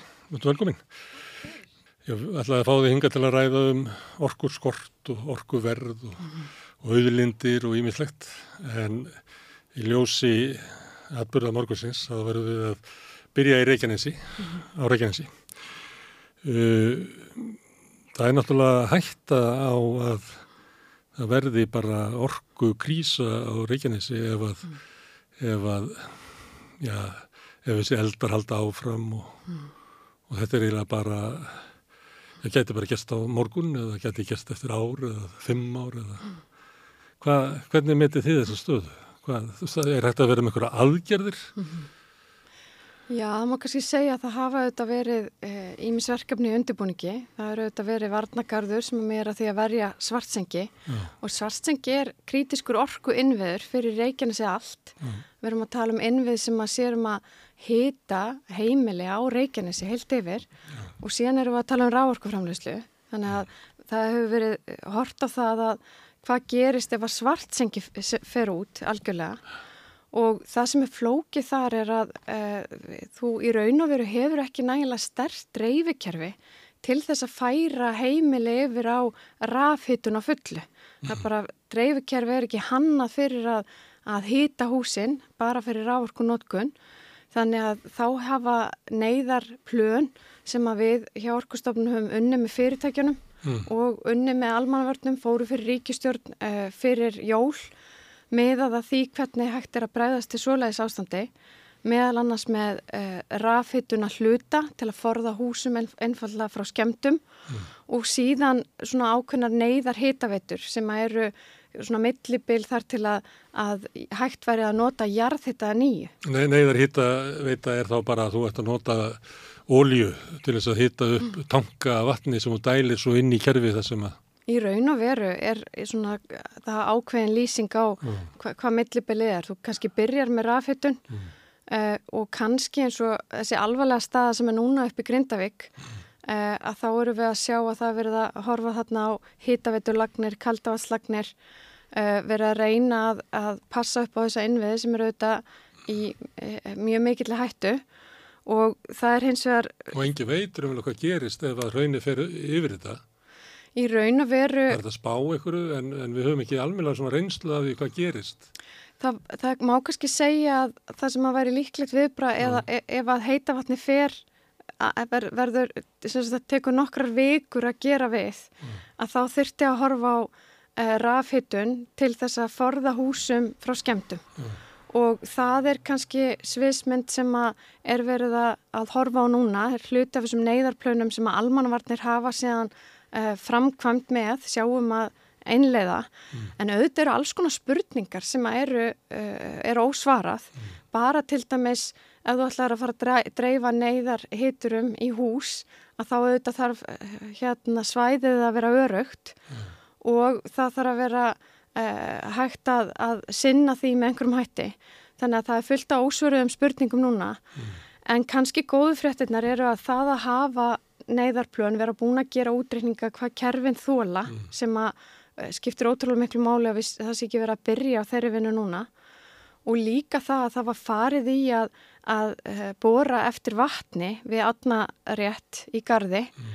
og þannig að það er komið neyðar vassból á uh, Reykjanesið mm. Og það er dæmi um bara hversu mikilvægt það er að reyna alltaf að undibúa svona viðböru sem best af því að þetta eru innveðverkefni sem taka alltaf einhverjar vikur í, í framkvæmt. Mm. Það er að sækja vatni þá utar á Reykjanesið til að hitta það upp þar mm. í staðin fyrir vatni sem er, kemur í svartsengi og er fluttanga. Er það, Já, það er þið í raun skil, og, skil svona. já, í raun og veru væri það hérna vatn bæði hægt að nota það sem, sagt, sem neyslu vatn og líka í ákveðnum aðstæðum til að hita upp þar að segja ef að það væri farið í, Eða svartsengi færi. já, ef að svartsengi færi. En svo Akkurat. erum við kannski að horfa núna á það að gæti verið að svona leiðin inn í, í Grindavík að Grindavík er þið klift eila frá svartsengi. Það er möguleiki í dag. möguleiki fyrir eftir því hvernig þetta þróast með innviðina nákvæmlega en, en það gæti verið uppi svo stað að það yrði að horfa á rafhitun í einhver tíma en nú er kuldatíð framöndan og, og þá væri kannski verið að horfa okkur lámarkshita til þess að passa upp á eignir fólks að hús og annað verði ekki fyrir skemmtun. Herðu, en áður en að koma þessum atbyrðum að þá var verið að tala um uh, orkuskortur. Það er eiginlega stort, þetta er orðið hápólitískt mál. Það er, hérna, það er haldið fram að þessi orkuskortur og verðum að virkja í, í kvelli uh, vegna þess að okkur vantar bara orku. Það er líka verið að tala um að verðum að virkja uh, til þess að, að geta farið út í orkuskipti. Og það er svona ágrinningur um það í pólitíkinni, oft snýst pólitíkinu um svona tæknileg mál og eitthvað svona þó að og þetta er kannski búið að klæði þetta inn í eitthvað svona afstöðu, ég veit það ekki. Ef ég spyr orkumálastjóra, er, er fyrir sjáanur orkuskortur á Íslandi? Sko ef ég byrja á þessum ágrinningi þá er áhugavert að horfa að maður horfir á sko flokkrásfundi bæði sjálfstæðisflokks og vinstri grætna frá því haust að þá eru tvö mál, stór mál sem að báðir flokkar eru sammálum og, og það er einmitt orkuskiptin og orkuurki heimila. Þannig að það er, þó að sínu ymsi litir málaðir í orkumálunum, að þá held ég að séu tækifæri til þess að vinna saman að alls konar verkefnum. Og þetta eru kannski mál sem hafa líka uh, verið innleiti stefnur og lögjöf uh, og er það þar að leiðandi mál sem að eru í deglunni. En við erum komin inn í áhugaverða tíma þegar kemur að orkumálum á Íslandi. Og það er þannig að þegar við vorum að fara af stað í orkumálunum að þá var mikið lagt á sig við að draga hingað að, að viðskiptafinni, reyna að fá yðna til að vera á landinu. Og það má kannski segja að þær aðstæður hafi snúist við ákveðin hátt. Það er að segja að öll ríki heims eru búin að setja sér markmiðum að uh, sækja í græna orku vegna sinna loftlasmarkmiða og svo erum við að tala um gjörbreytt uh, landslag þegar kemur að uh, orkumálum í Evrópu vegna ókrænustrísins og þar að leiðandi erum við komin inn í tíma eftirspurnar. Það má gera ráð fyrir að verði umfram eftirspurn eða, eða skortur. Já. Það er að segja að við getum alltaf selt allt það magn sem að við framleiðum hverju sinni. Þannig að, að í sjálfu sér hérna, Þetta gó- þetta verið góð tíðindi þú ert í business að þessi umfram eftirspurn. algjörlega og í, raun- í, í sjálfu sér er það, er það góðar fréttar að því leiti að, að það er þetta, þetta hefur auðvitað áhrif á verðmæti orkunar, verðmæti þessarar auðlindar. Mm. Þegar Hvort sem hún er selt beint eða þetta getur hækka verða áli og fleira það sem orkan er og eiginlega næstu öllum vörum. já, En ef við höfum aðgengja ódýrari orku, þetta er naðrir, Mhm. þá standa vörur okkar og þjónusta betra. Þetta tala um það? já, bæði eh, það, hefur það kannski verið okkar uh, ís, sölupunktur Íslands Já. kemur svona sögulega séð að orkumálum að það hefur einmitt verið hluti að, við, að viðfórsefni að stefnu stjórnvalda að hafa samkipishefni gegnum orkuverð. En ég á líka við að bara verðmæti orkunar, verðmæti auðlindana er, er meira núna þegar eftirspurn er, er herri. En þegar að vera að tala um skort sérstaklega núna tengt orku öryggi heimila sem hefur kannski verið stærsta viðfórsefni sem hefur verið svona kannski mikið í fréttum nýlega að þá er það þannig að við vorum með það fyrirkomulag. Nú er ég að tala um áður en að orkulögjöf eh, Evropasambatsins var eh, byrjað að innlega hana sem er 2003 að þá var það fyrirkomulag að landsyrkjun bara ábyrð á orku öryggi almennings. Það var bara tekið frá uh, ákveðin sneið, þetta eru heimili 5% og svo er þetta venjulega hefbundi fyrirtæki 15%. Ekki stóriðan?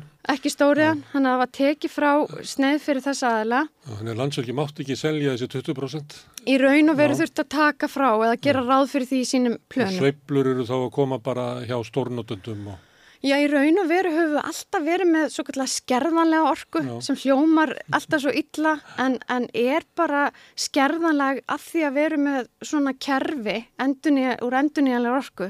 Það sem að stundum bara er, erum að framlega meira því að það er meira reynsli ám eða hefur ringt meira og stundum erum að framlega aðeins minna. Þannig að það er alltaf einhver sveifla. En allavega þá var... Þannig áður en að fyrir 2003 Já. að þá var landsvirkjun ætlað að verja eh, heimilin Já. Mhm. og svona venjulegu fyrirtækin fyrir þessum söfnum. Já, Tryggja það alltaf öryggi og ódýr og örug orka. Já, tryggja að væri frambóð til, til uh, þessara leikanda. Já. Síðan er þessi ábyrð afnumun og átt alltaf eftir að, innlega raun og veru fyrirkomulega þarna og maður finnur í raun og veru svona kerfi eins og við búum við hérna á Íslandi þar sem að þetta er loka ráorkukerfi. Við erum eiga, uh, getum ekki tengst öðru mörgum, hratt. Og við erum líka, eins og ég segi, við erum með orkukerfi þar sem að það er ákveðnar sveiflur eftir náttúrunni, því að við erum að vinna með endurnýjanlegar náttúru auðlindir, að þá í raun og veru kannski reynir ekki svo mikið á þetta fyrir að það er svona mikil umfram eftirspurn. Að þá er hættan svo þegar enginn ber ábyrð á kökunni að ólíkir aðilar þegar eh, hægt að margir sem er um hituna, margir sem vilja kaupa að það sé verið að selja inn á sneið almennings. Og það er í raun og veru eitthvað sem skiptir máli að, að, að hafa ákveðna varnagla því að þannig erum við að tala um aðila sem að geta venda sig með ólíkum hætti að því að þegar við erum að tala um stóra notendur að þá eru það aðlega sem kaupa mjög mikið magn uh, til langs tíma og hafa aðra samningsstöðu eru bara með sína lögfræðinga í þeirri vinnu. En heimili eða svona hefðbundi fyrirtæki eða hugsa bara um bakari eða, eða heimili í, í árbænum eða hvað sem það er þau eru ekki það, er ekki einhver með það í, í kalendir að, að tryggja ráorkur ekki sitt Kaupa það næstu 20 árin. Já, eitthvað ákveðu magn. Þannig að það er, það er bara öðruvísi og, og þess vegna eru önnu ríki. Það, það, það að vera með varnagla er ekki eitthvað sem að er eitthvað sérstatt sem að vera á Íslandi. Meiri segja í Evrópu og það sem að, að margar eru samtengdur og annað að þá eru varnaglar fyrir almenning og Og líklega meiri umræðum það núna eftir úgrænustríði þar sem að það kom komur eiginlega fram veikleikar í orkustöfnu Európa-savansins.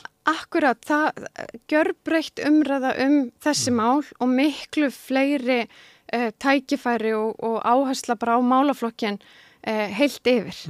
Þannig að það að innleiða þessa varnagla er hluti í raun og veru af þróun orkumarka.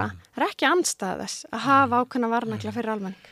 En e, orkustöfna Európa-sambansins að sumliti svona, við getum sagt markasvæðir hérna orkuna. Og það var það kljúfa á milli þessum að framleiðir og þessum að selur og það var til smásala og heilsala og alls konar svona dótri sem að við sem ólust upp á tímum sko hittavitunar og landsverkjunar eða kannski, það verður bara félagslegt fyrirbriði sem verður að tryggja okkur orku. Við byggjum við í köldu landi við hérna ódýran hitta og, og í dimmu landi við mikið ljós en e, þegar það er búið að markasvæði þetta er þá möguleik á því að ef að ég myndi stopna hérna orkuhilsölu og þú ert að framlega orku að ég kaupa þér ykkur orku og, og svo ætla ég að bara ráðstafa henni í, í framtíðin. Ég get verið að veðja að það væri umfram eftirspöldin og sagt er í framtíðinni og ég kaupi bara þér sem framleiðenda svona mikið bunga orku og svo hérna setji á henni þangað til að ég fer að græða sem mest á henni. Og þetta er ekki ímynda dæmi sem ég er að búa til, þetta er í Lenron í, í, og Kaliforníu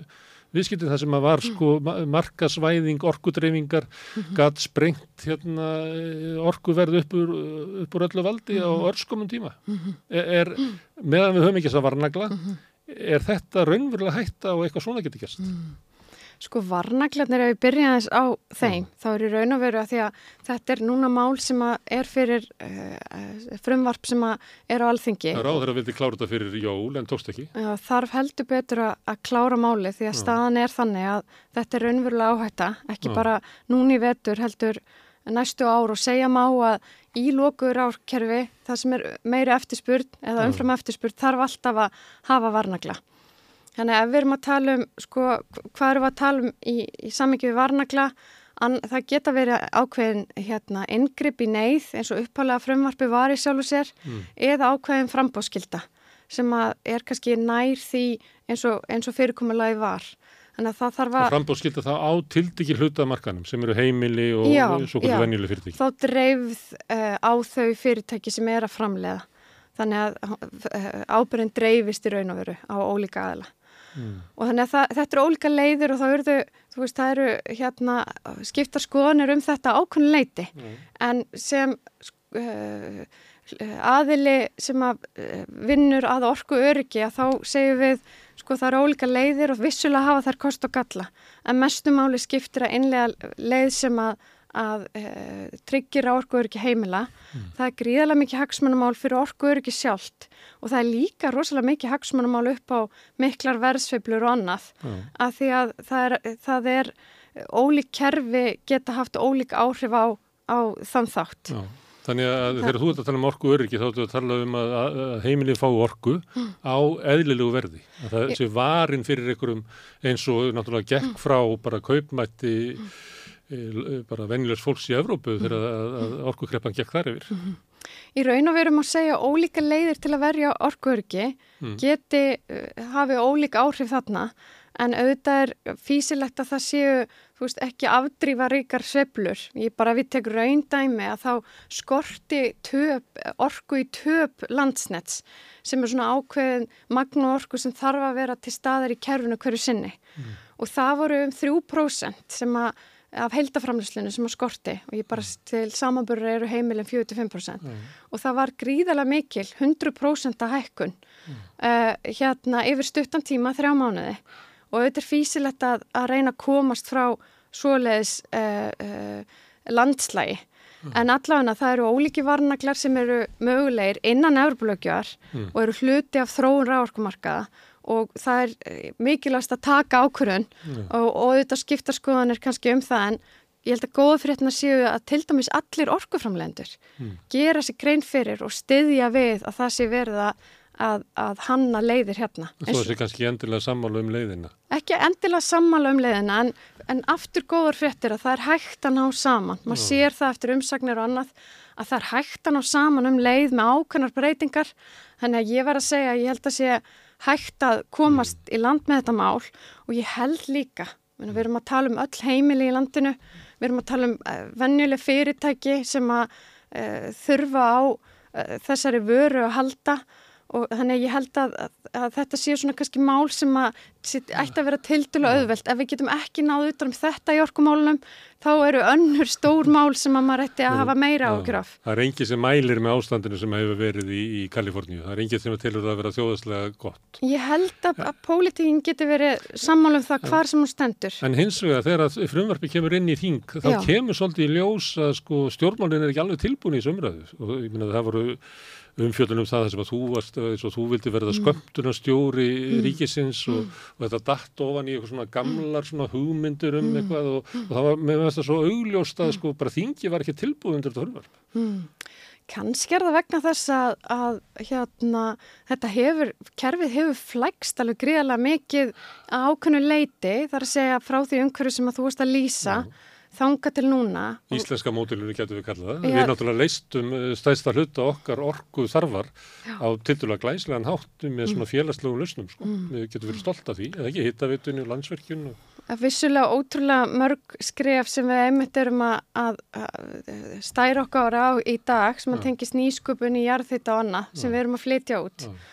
En að því þú spurður um sko uh, markas enróndæmið og annað, að þá er það annað sem að er á dagskrá stjórnvalda líka, er að innlega þessar lögjafir sem að snúa að uh, þróun orkumarkaða.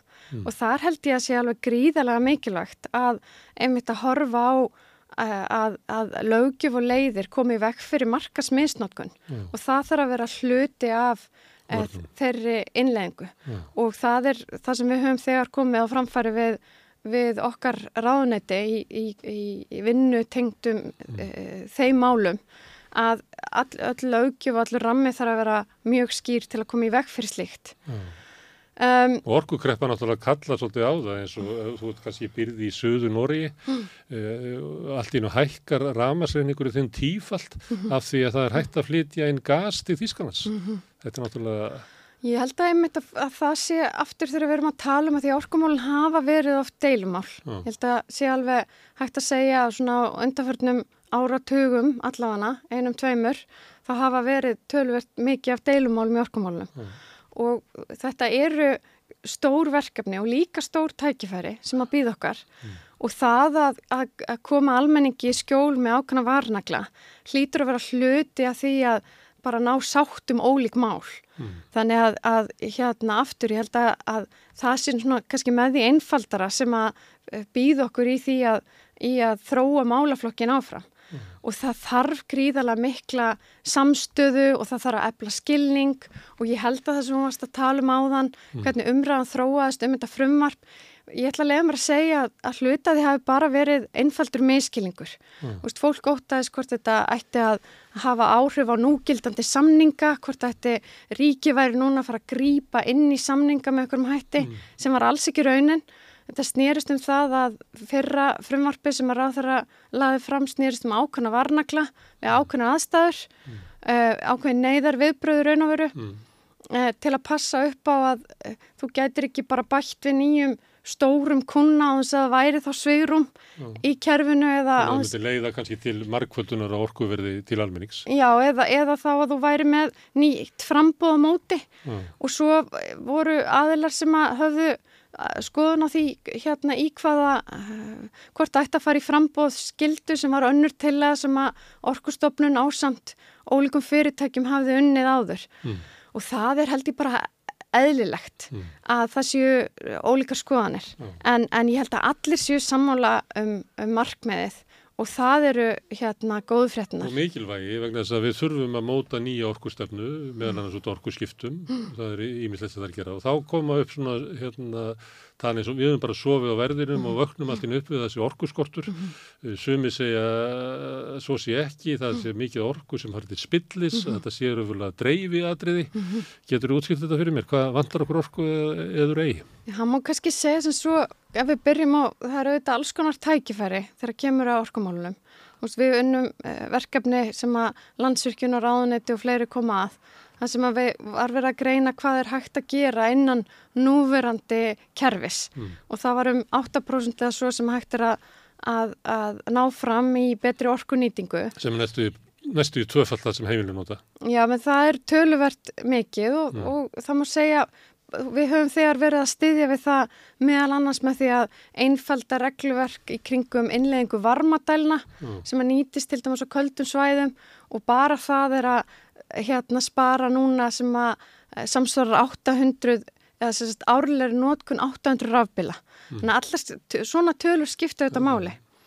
Hins vegar þegar við erum að horfa á, á orgu skipti á hafi sérstaklega mm. og í flugi að mm. þá erum við að tala um stærri tölur, stórar ef við, tölur. Ef við ætlum að framleiða eldsneitið sjálf. Já, ef við ætlum að framleiða því að þá erum við ekki að tala um beina rávorkunotkun. Mm. Þá erum við komin út í að framleiða rafeldsneiti og þá erum við að tala um allt aðrar tölur. Gæti þú sagt að ég undir spyrja, er það stefna sem við ættum að hafa? Er það endilega gefið að það sé betra fyrir okkur að framleiða rafelsniti fyrir skipaflótan okkar, einhver staðar með einhverju vassaflsvirkjunum eða er ekki alltaf líklegt að við getum bara flutt inn eitthvað vettni sem er framleitt með útræðar hætti? Eða... Já, þetta eru áhugaverðar hérna spurningar. Ég myndi segja að það sem að stjórnmólinn hafa sett fókus á er að að það sé verið að horfa á, á möguleika til innlendra framlegslu mm. í samhengi við hluti eins og orkur ekki sumu leiðis. Mm. Það er að segja að uh, með því að framleiða uh, ra, hérna rafelsniti hérna þá þurfum við ekki að, að flytja samsvarandi eldsniti inn. Mm. Og það eru auðvitað eitthvað sem er ástæðan fyrir því að heimili fundi ekki mikið fyrir orkukrísunni líka hérna í Árópu mm. af því að við vorum með okkar innlenda orkugjafa mm. uh, jarðhittan til að hita húsin okkar uh, og, og þó ég tala ekki eins og um ráorkuna. Þannig að auðvitað hérna, skipta þessir þættir máli. Það eru hins vegar alls konar breytur sem að eru floknar þegar kemur að þessum málum og má segja orkusjóður hafa verið að taka ákveðin skref í að uh, bæði að styðja við rafelsnitils framlegslu mm. og líka að horfa á enda notkunna að því að hún auðvitað he- helst í hendur. Það þarf að vera búið að gera það að, að skip geti keift til þess að framleiðsla tengist við ef að, að hlutirnir er að ganga upp í praktik. Þá þarf að vera ákveðnir kvatar á ólíkum endum. Það er að segja að notenda hliðin þarf að grípa við framleiðsluna ef þetta á að tengjast saman. Og það er kannski þar sem að flækjustiði liggur. Það eru margar breytur sem þurfa að, að, að not, notandin þarf að vera tilbúin og viljur til að kaupa framleiðsluna sem er þá hér og þá kemur inn á spurningar eins og verður svo framleiðsla nægilega samkemnishæf meða við rafelsniti annar staðar. Og það eru spurningar sem að þarf að horfa á og, og skoða með gaggrinum hætti út af því að, að það, það er ákveðnar fossendur til þess að ólíkir aðilar fari í slík verkefni. Já.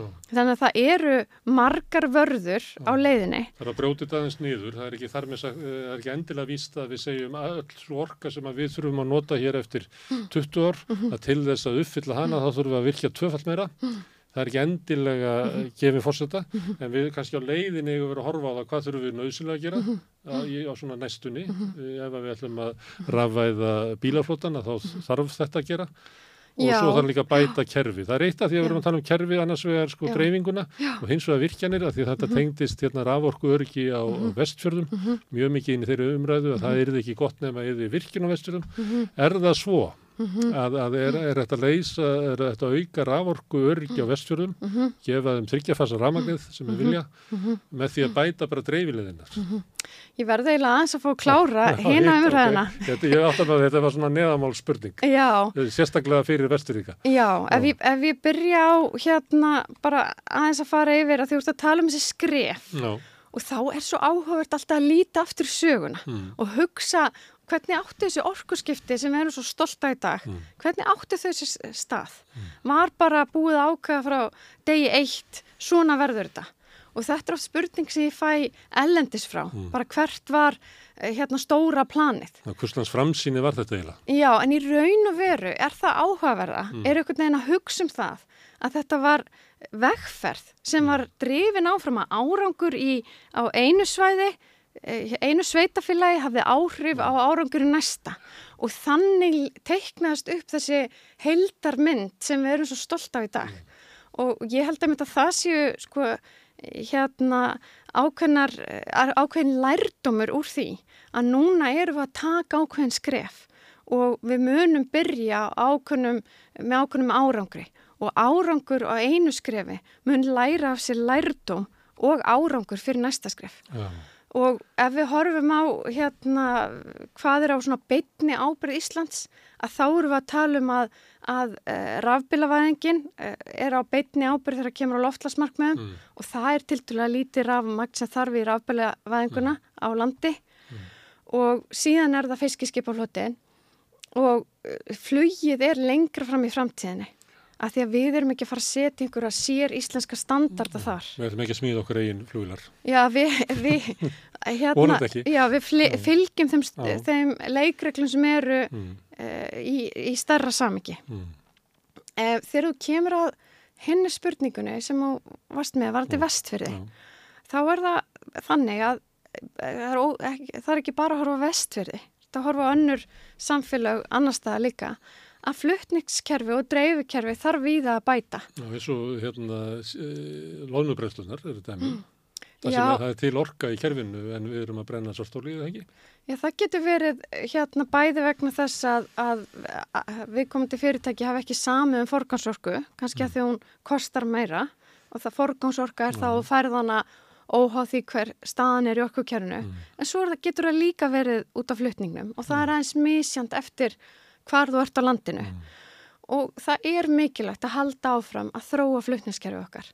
Og mér finnst ofta ávart að þú ert að tala um vestfyrði að ég fer eh, oft í Selordalinn og minnst magna að vera þar í alls konar verð, veðrum og horfa á sko þessa litlu línu í blá sem einhvern veginn dinglar í hvaða veðri sem er. Og hugsa að þetta sé innviðnir sem að koma með ljós og halda hita á þessu svæði. Og ég held að áttum okkur öll á því að það þarf að passa upp á þessir innviðir síð lægi ekki bara fyrir heimili, heldur líka er það samkemnismál fyrir ólíkar beigðir og það skapar sveigjanleika í því líka að það sé hægt að nýta orku á ólíkum stöðum á landinu fyrir hvaða svæði sem er. Að það sé ekki orka sem er til einhver staðar og væri hægt að nota í einhverja atvinnuppbyggingu annar staðar og hún sé, það sé bara ekki hægt að færa hann á milli. Þannig að það er líka út frá að dreifikerfi. Það þarf að styrkja það á mjög mörgum, bæði flutnings- og, og dreifukerfi. Þannig ef það er eitthvað vestur ykkur að, að hlusta á okkur, þá getur við sagt sem svo að þið eigið allt eins að byggja um bet- öruggara dreifikerfi eins og um virkjunin á vestur. Ég held að það sem að óháð virkinum og hvar þar eru byggðar, þá skipta, skipti flutnings- og dreifukerfi alltaf máli.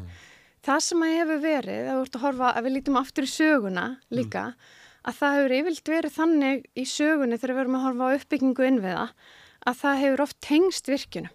Að því að þegar kemur virkun, að þá er komin einhver sem borgar hluta af Það er svona gamla mótilið, það er Strömsvík, Strömsvík búrfell mótilið. Akkurat og það er held ég það sem að hérna ef verið að horfa á oft þú veist að virkun fylgir betri innviðir. Mm. Mm. Það er annað, En við ættum raunvel ekki að hugsa þannig eða hvað. já, það þarf oft að, að, að hanga saman eða hangir oft saman en það er ekki betra flutnings- og dreifukerfi er þarf að þróa óháð þessu af því að það er einfallega samkefnis og byggðamál sama hvar virkjanir framtíðarinnar verða byggðar.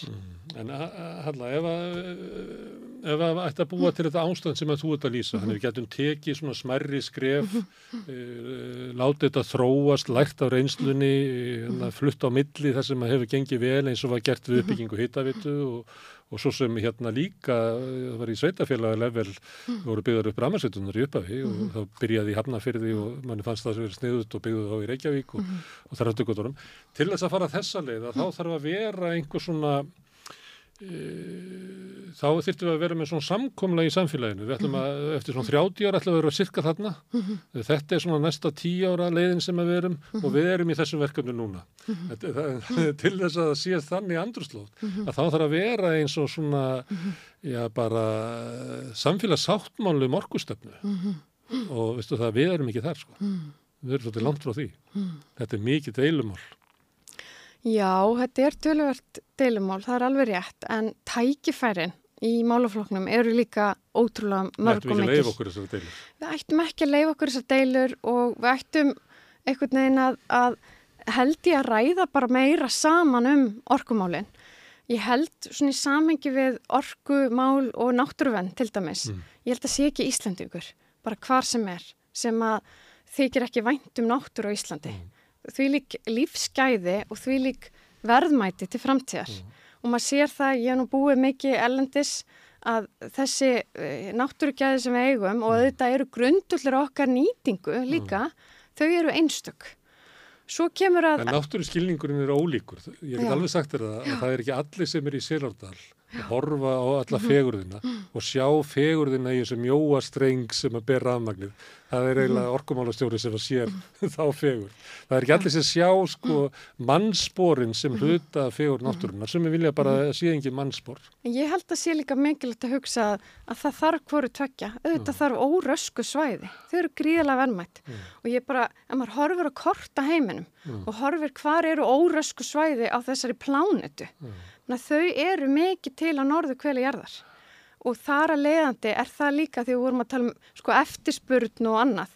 Það er líka mjög mikilvægt fyrir okkur átt okkur því að eftir því sem fólki fjölgar og þróum verið meira annar staðar, þá mun náttúra líka, ósnortu náttúra líka aukast í verðmæti alveg eins og orkuölunar okkar hafa. Líka umfram eftir svo þar. Líka umfram eftirspurn þar og, og fullt af tækifærum fyrir okkar kynslu og líka framtíðakynsluður. Um, hins er, er það síðan líka þannig að það eru hérna, við erum þjóð sem á þessi uh, fjöregg, mm. veist, við erum með heitavatni sem ég myndi segja sér gullu okkar og síðan eru það hérna uh, vassapsnýtingin og svo eru þetta komin alls konar nýjir orkugjafar, vindorka verið tölvert mikið í umræðinni. Ströymar og alls konar dót geti komið til viðbútar. Já, og kannski verður framtíðin fjölbreyttari heldur en við kannski höfum uh, séð fyrir hinga til og, og margt sem höfum koma inn eins og nýsköpun og annað í batteritækni sem að mun líka breyta nákvæmlega þeim plönum og, og, og það hvernig við horfum á, á leiðina akkurat núna. en við getum verið skynsum í það, því hvernig við nýtum orkuöldina uh, áfram og ná þeim markmöðum sem að stjórnvöld hafa sett varðandi orkuskipti og, og líka stöðlaða heilbreyðra atvinnuppbyggingu mm. en þá þurfum við líka að vera alltaf klók. Ja, og og gjaldir í sparnaði sem var hluti af raukorum þegar við vorum að loslokku við kólinn þá þótti það bara að vera gáðuleg efnarstjórn að vera ekki að kaupa útlenda orkugjafa ef þú getur búið til í reyma. Akkurat og við sjáum bara ef við tek dæmi úr rafbílaveðingunni sem er svona orkuskiptin mm. sem eru kannski næst okkur að þá eru við að tala um á síðasta ári var sko bíleinkaup 24 bílar cirka 11.000 voru eh, rafbílar. Mm. og við erum að tala um að heilt yfir er flotin með svona í kringum tæpla 20% af hérna rafbílum eða, eða þess að það bílum. Og við erum að tala um að það sparar um 700 ólíutunnur á dag. Mm. bara til að setja, menn að það er það eru þessi 20% þannig að það eru auðvitað ótrúlega margir kostir sem að uh, fylgja þessum skrefum. Og hálfur þetta er kannski orka sem er nýtt á nóttinni sem hefði ekki annars verið nýtt eða hvað? Já, það, það er möguleikar því tengdu en ég held líka að því úr það, sko, ég held að það sé mikilvægt í samfélagssátt að almenningur sjáu árangur þannig að það sé, maður eru sett fram á hvernig markmið, Já. hvar við ætlum að vera og þá þarf almenningur að sjá þau markmið raungerast mm. og það er kannski það sem hefur verið það flokna í, í umræðu að því að við höfum verið að, breyta um okkar kerfi og það þarf, flest ríkir um einhvers konar kvata eru að kaupa að því að rafelsneiti mm. er ekki orðið nógu samkjömsæftir að styðja við það eða, mm. eða hérna veita ívillanir eða einhvers konar kvata þannig að framleiðsla tengist markmið og það er kannski það sem er flókið í dag er að e, orkan er seld bara til þess sem að vill kaupana og, og, og það auðvitað e, er alls konar e, frábært tækifæri því og alls konar atun uppmynga tækifæri því en það er ekki endilega nákvæmlega markmið stjórnvalda. Og það eru þessi kraftar líka sem að tóast aðeins á. Mm. og hérna höfum við bara tækifæri á að hafa hreinskipna umræðu mm. og finna leiðir. Mm. og ég get alveg sagt Ef við væri góðið í já, Ég heldur séu miklu betri já, miklu betri í því. Heldur en maður eitthvað neginn Herðu, en já. ég sagði áðan að, að það svona í umræðinni svona allt í innu bara vöknum við upp það að þessi orkuskortur á Íslandi, mm. við erum búin að alveg upp við það að við ættum bara nógu orku mm. það sem er eiginlega enn þá fyrðulega að fólk vaknar upp við það að það vantar bara heitt vatn og það vantar ég að fyrir bara vatn Hva, hvað er það? Já, kannski eh, sko vantar heitt vatn. Ég held að það sem við erum að horfa á er að við fórum í okkar jarðitta leitar átök mm. fyrir einhverjum áratöfum.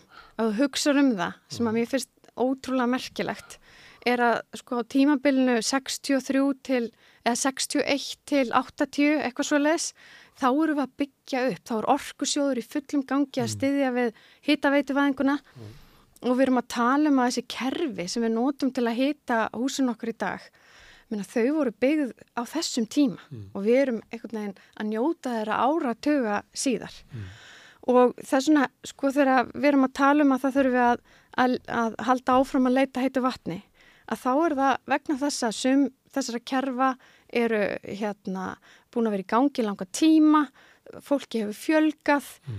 og, og nótkunn hefur aukist með, með ferðamennum öðru. Hús hefur stækkað, færri búið ykkur í húsi og þótt að sé sko, íbúin maður ekki fjölgað þá er, er fleiri rúmmetra líklega býtt ég við til þess að hitta upp og þetta verður, fólk hefur bara áhyggjur að þessu bara inn í Reykjavík og hugsa við, akkur er svona nægjálmjölum hitan einhver upp í húsinu, það er minni mm. þýstingur á kerfinu og svona Já. Ég veit ekki hvað er hæft í þessu en það heyrir þær pælingar. Áhugaverðast að líta til bæjarfélag eins og, og Selfors. Ég er nú ekki svo langt síðan ég heimsótti Selfors veitur. Uh, ótrúlega kraftmikið fólk sem að vinnur þar og maður lærði svo sko vel þarna er bæjarfélag sem er að springa út mm.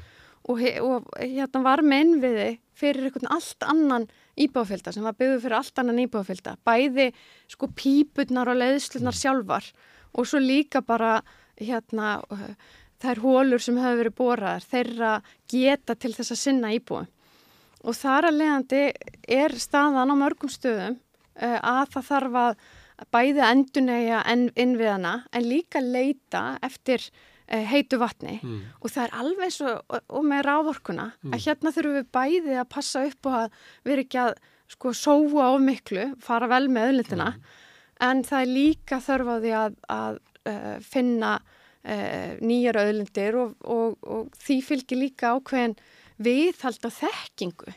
Og gleymum ekki hvað það er mikilvægt fyrir okkur sko að við erum að hugsa um útflutnings Íslands og annað að núna eftir orkukrísuna að þá eru við að fletja út okkar þekkingu til meðal annars Austur-Európaríkja á allt öðrum skala heldur en áður. Eitt, hérna, þegar þú talar um að svona við og við og við, uh, uh, það hefur gerst kannski frá því að, að við vorum að byggja upp hittavituna og við byggðum upp landsvirkjun, það til þess að tryggja hérna, orku öryggi almennings og gerum við samning við álverið og þess vegna gáttum við byggt svona stóra virkjanir sem að tryggja okkur þetta mikið öryggi.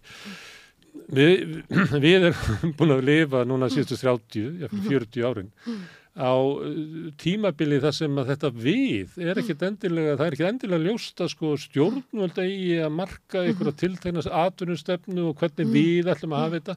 Heldur er, hefur hugmyndi verið svo að, að, að við eigum að leifa markanum að ráða þessu? Og hann muni færa okkur svona allra bestu lustunar. Þú óttast ekkit að við séu bara svona hugmyndarlega komið fram úr þessu að geta hérna mótað hérna öfluga orkustefnun uh, sem er kannski bara svipuð hugmynd og, og Roosevelt var að gera bara í, í New Deal að byggja upp innviðinni til þess að það væri öryggi hjá uh, heimilónum en líka væri innviðið það sem sko fyrirtækin getur byggt sig upp.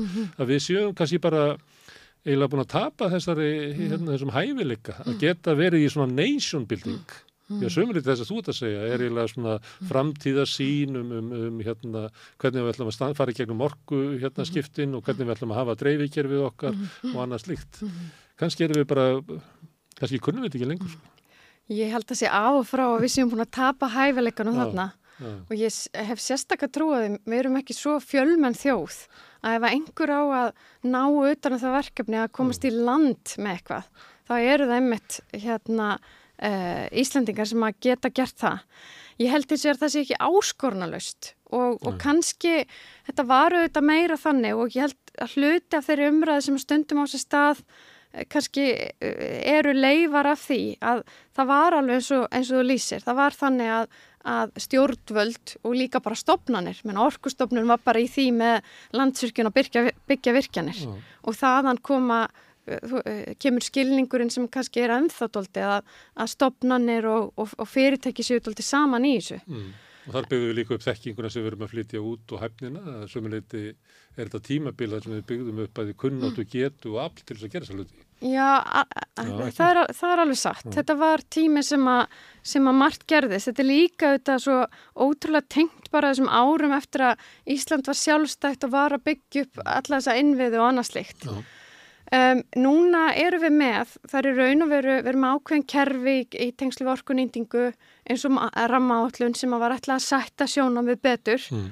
og fólk hefur ólíka skoðanir á og síðan eru leifis veitingar og annað sem hefur ofinbara kemur að en það eru fyrirtækinni raun og veru sjálf sem að taka ákvörðun um hvenar og hvort þau fara í þá virkun og kosti sem eru í nýtingaflokki. Það er ekki sko stjórnvöld sem ákvæða, herru við ætlum að fara í þessa fimm kosti hérna til þess að afgreða þetta verkefni. Eins og var bara þegar var verið að fara í, í strömsvík og annað.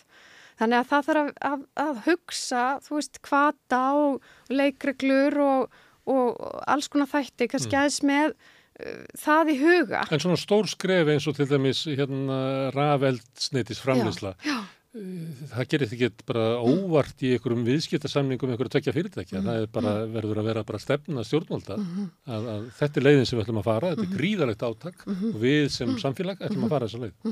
Myndi ég held það sko. það er alveg rétt að þetta eru stór skref. Ekki nefnir að Þó- ætlum að selja bara BP þetta eða eitthvað. Þetta eru stór skrið sem þarf að fara og hérna þó að þau gerist í, í ákveðnum bútum. Um, þar er auðvitað kannski, að maður horfir á stefnu stjórnvalda, hvernig hún eh, hérna hefur áhrif, þá er það í gegnum þetta uh, ofinber fyrirtæki og flest orkufyrirtæki í dag eru uh, í ofinber eigu annarkort sveitafélag eða, eða uh, landsins eins og landsyrkjun. Um, og síðan eru það raun og veru þá ef maður horfir til bandaríkjana til dæmis að þá var verið að, að horfa á hérna infrastruktúraktið eða innviða eh, hérna löggjöfuna sem að fór í gegn núna. Þar eru fullt af kvötum og tækifærum til þess að reyna að ná ákveðinu markmiðum stjórnvalda. Þannig að Þá er stjórnvöld að íta henni svo kallaða markaði á tilsikið. Ég til í að stiði ykkur þangað, Já. en ég ætla ekki að stiði ykkur þangað. skapa ákveðna gullrætur eða svipur Svipur, til þess að ná í, í land og það er hérna eitthvað sem maður þarf alltaf að hugsa um eitt er að setja markmið og hitt er síðan að teikna upp hvaða kvata eða leiðir er hægt að fara að þeim. Og óháð því hvaða, hvaða uh, hvers eðlis viðskiptið að hana er, það er bara í, í, í öllum framkvæmdum þarf að huga að, að leiðum. Og það er, þó að það séu áskorunir þar að góðu fréttinar eru að innan hérna Evrópulögjar sem við erum hluti af í dag að þá eru alls konar leiðir í bóði og við sjáum alveg bara til dæmis í Núri, nú eru þeir að horfa á að, að e, hafa græna orku eða vindorku í þeirra tilfelli til þess að draga úr losun frá sínum oljubarpöllum, það er bara ákveðin stefnumörkun hjá stjórnvöldum. Þannig að það er alls konar möguleikar í bóði Já, Hérna, það hefur verið gaman að fylgjast með þér hérna mótið þetta starf sem út í, af því að við höfum svona ríkisforstjóra hér og þar og það er, með, sko, rödd þín hefur, mér finnst hún að vera miklu sjálfstæðri heldur en maður er vanur. Og, og þú kemur með svona ákveðin sjónamið og, og stillir þeim upp og einhvern veginn svolítið svona e, til hliðar við stjórnmjöld, það er ekki eins og sért að sko að alltaf að hérna gera ráðhræðinu greiða eins og stundum með sko stjórnsýslan virðist vera, hérna, vera ve- ve- veltur þessu fyrir þér, hvernig þú ættir að vera er Já, það sem er mikilvægast við hérna starf eins og það að, að lega stofnun og orkustofnun, eða sama bara við stjórnsýsluna heilt yfir, er að þú ert að fylgja lögum hverju sinni.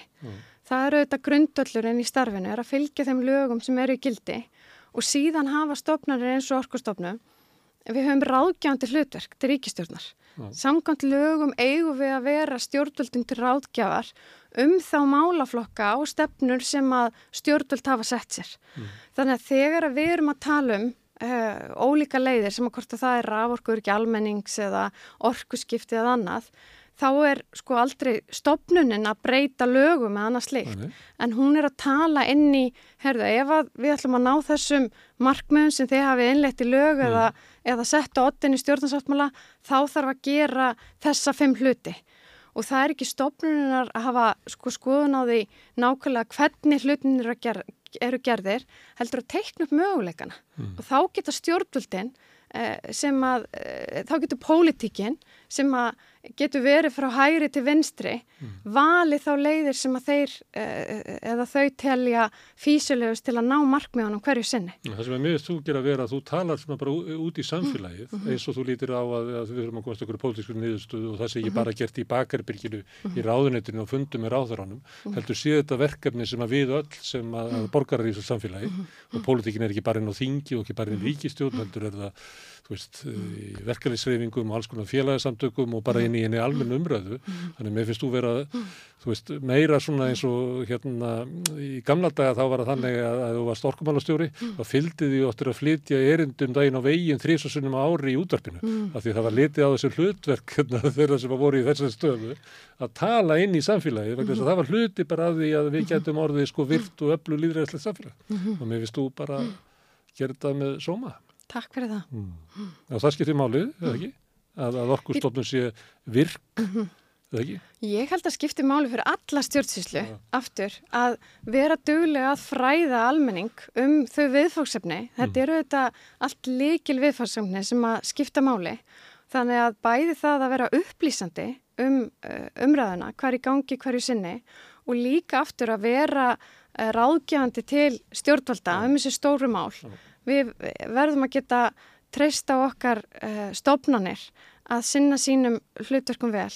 Og ég held að séu sko fjölmörg dæmi um uh, alls konar uh, verkefni og viðfórsefni sem að þú getur sitið hérna með langan lista af ríkisfjóstjórum og alls konar fólki á stjórnsýslunni sem er einmitt að koma með svo öflugar greiningar sem að oft nýtast til að taka góðar ákvarðanir fyrir samfélagið okkar. Mér finnst þetta meira þessu, finnst að, ég ætla ekki að nefna svona, en ég meina bara fórstjóri tryggingastofnuna mætti vera virkar í þáttökunni um það fyrirbriði, sko, sem er náttúrulega ótrúlega dýrmættur innviður sem við eigum, sem að er bara allt og lítið í umræðu, en, en á sunnandi, gefa tíma til þess. Takk fyrir. Og nú getur þú farið eins og allir landsmenn og vera að horfa á það, þetta hryllilega gós sem að Já, nú heldur samstarfi almannavarnir sem að er að standa sem er stakri príði eins og svo oft áður Já. og við vonum það besta fyrir orkumálinn og sendum góðar kveði til allra grindvíkinga. Sem að eru að sömu leiti er þetta sprunga sem að gengur í gegnum samfélagi Grindavík og í gegnum hvert Grindvíking fyrir sig.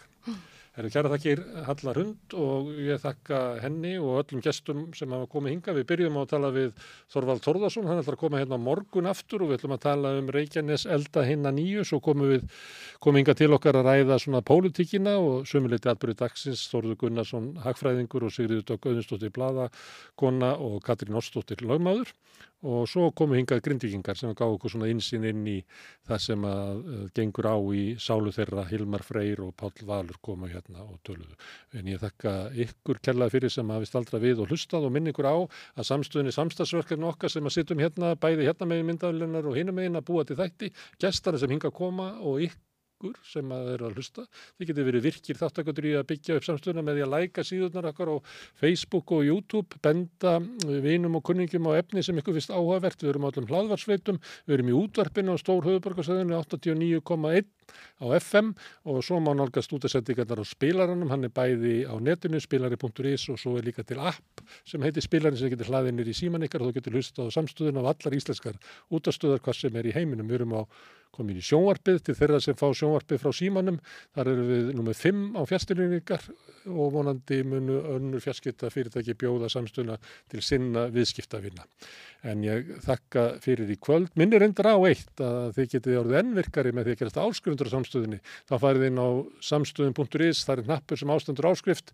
Íti á hann þá getið skráð ykkur, það kostar bara 2500 krónur sem er ódýrasta áskriftir í dag og allt og lág áskrift er mér sagt fyrir það efni sem við búum til hér.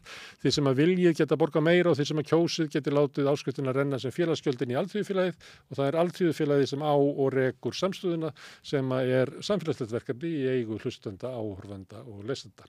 En ég þakka kjærlega fyrir mig í dag, sjáumst aftur hér klukkan 8 annað kvöld og óskuðu bara góðra helgar það sem eftir aðvinni og takk fyrir mig.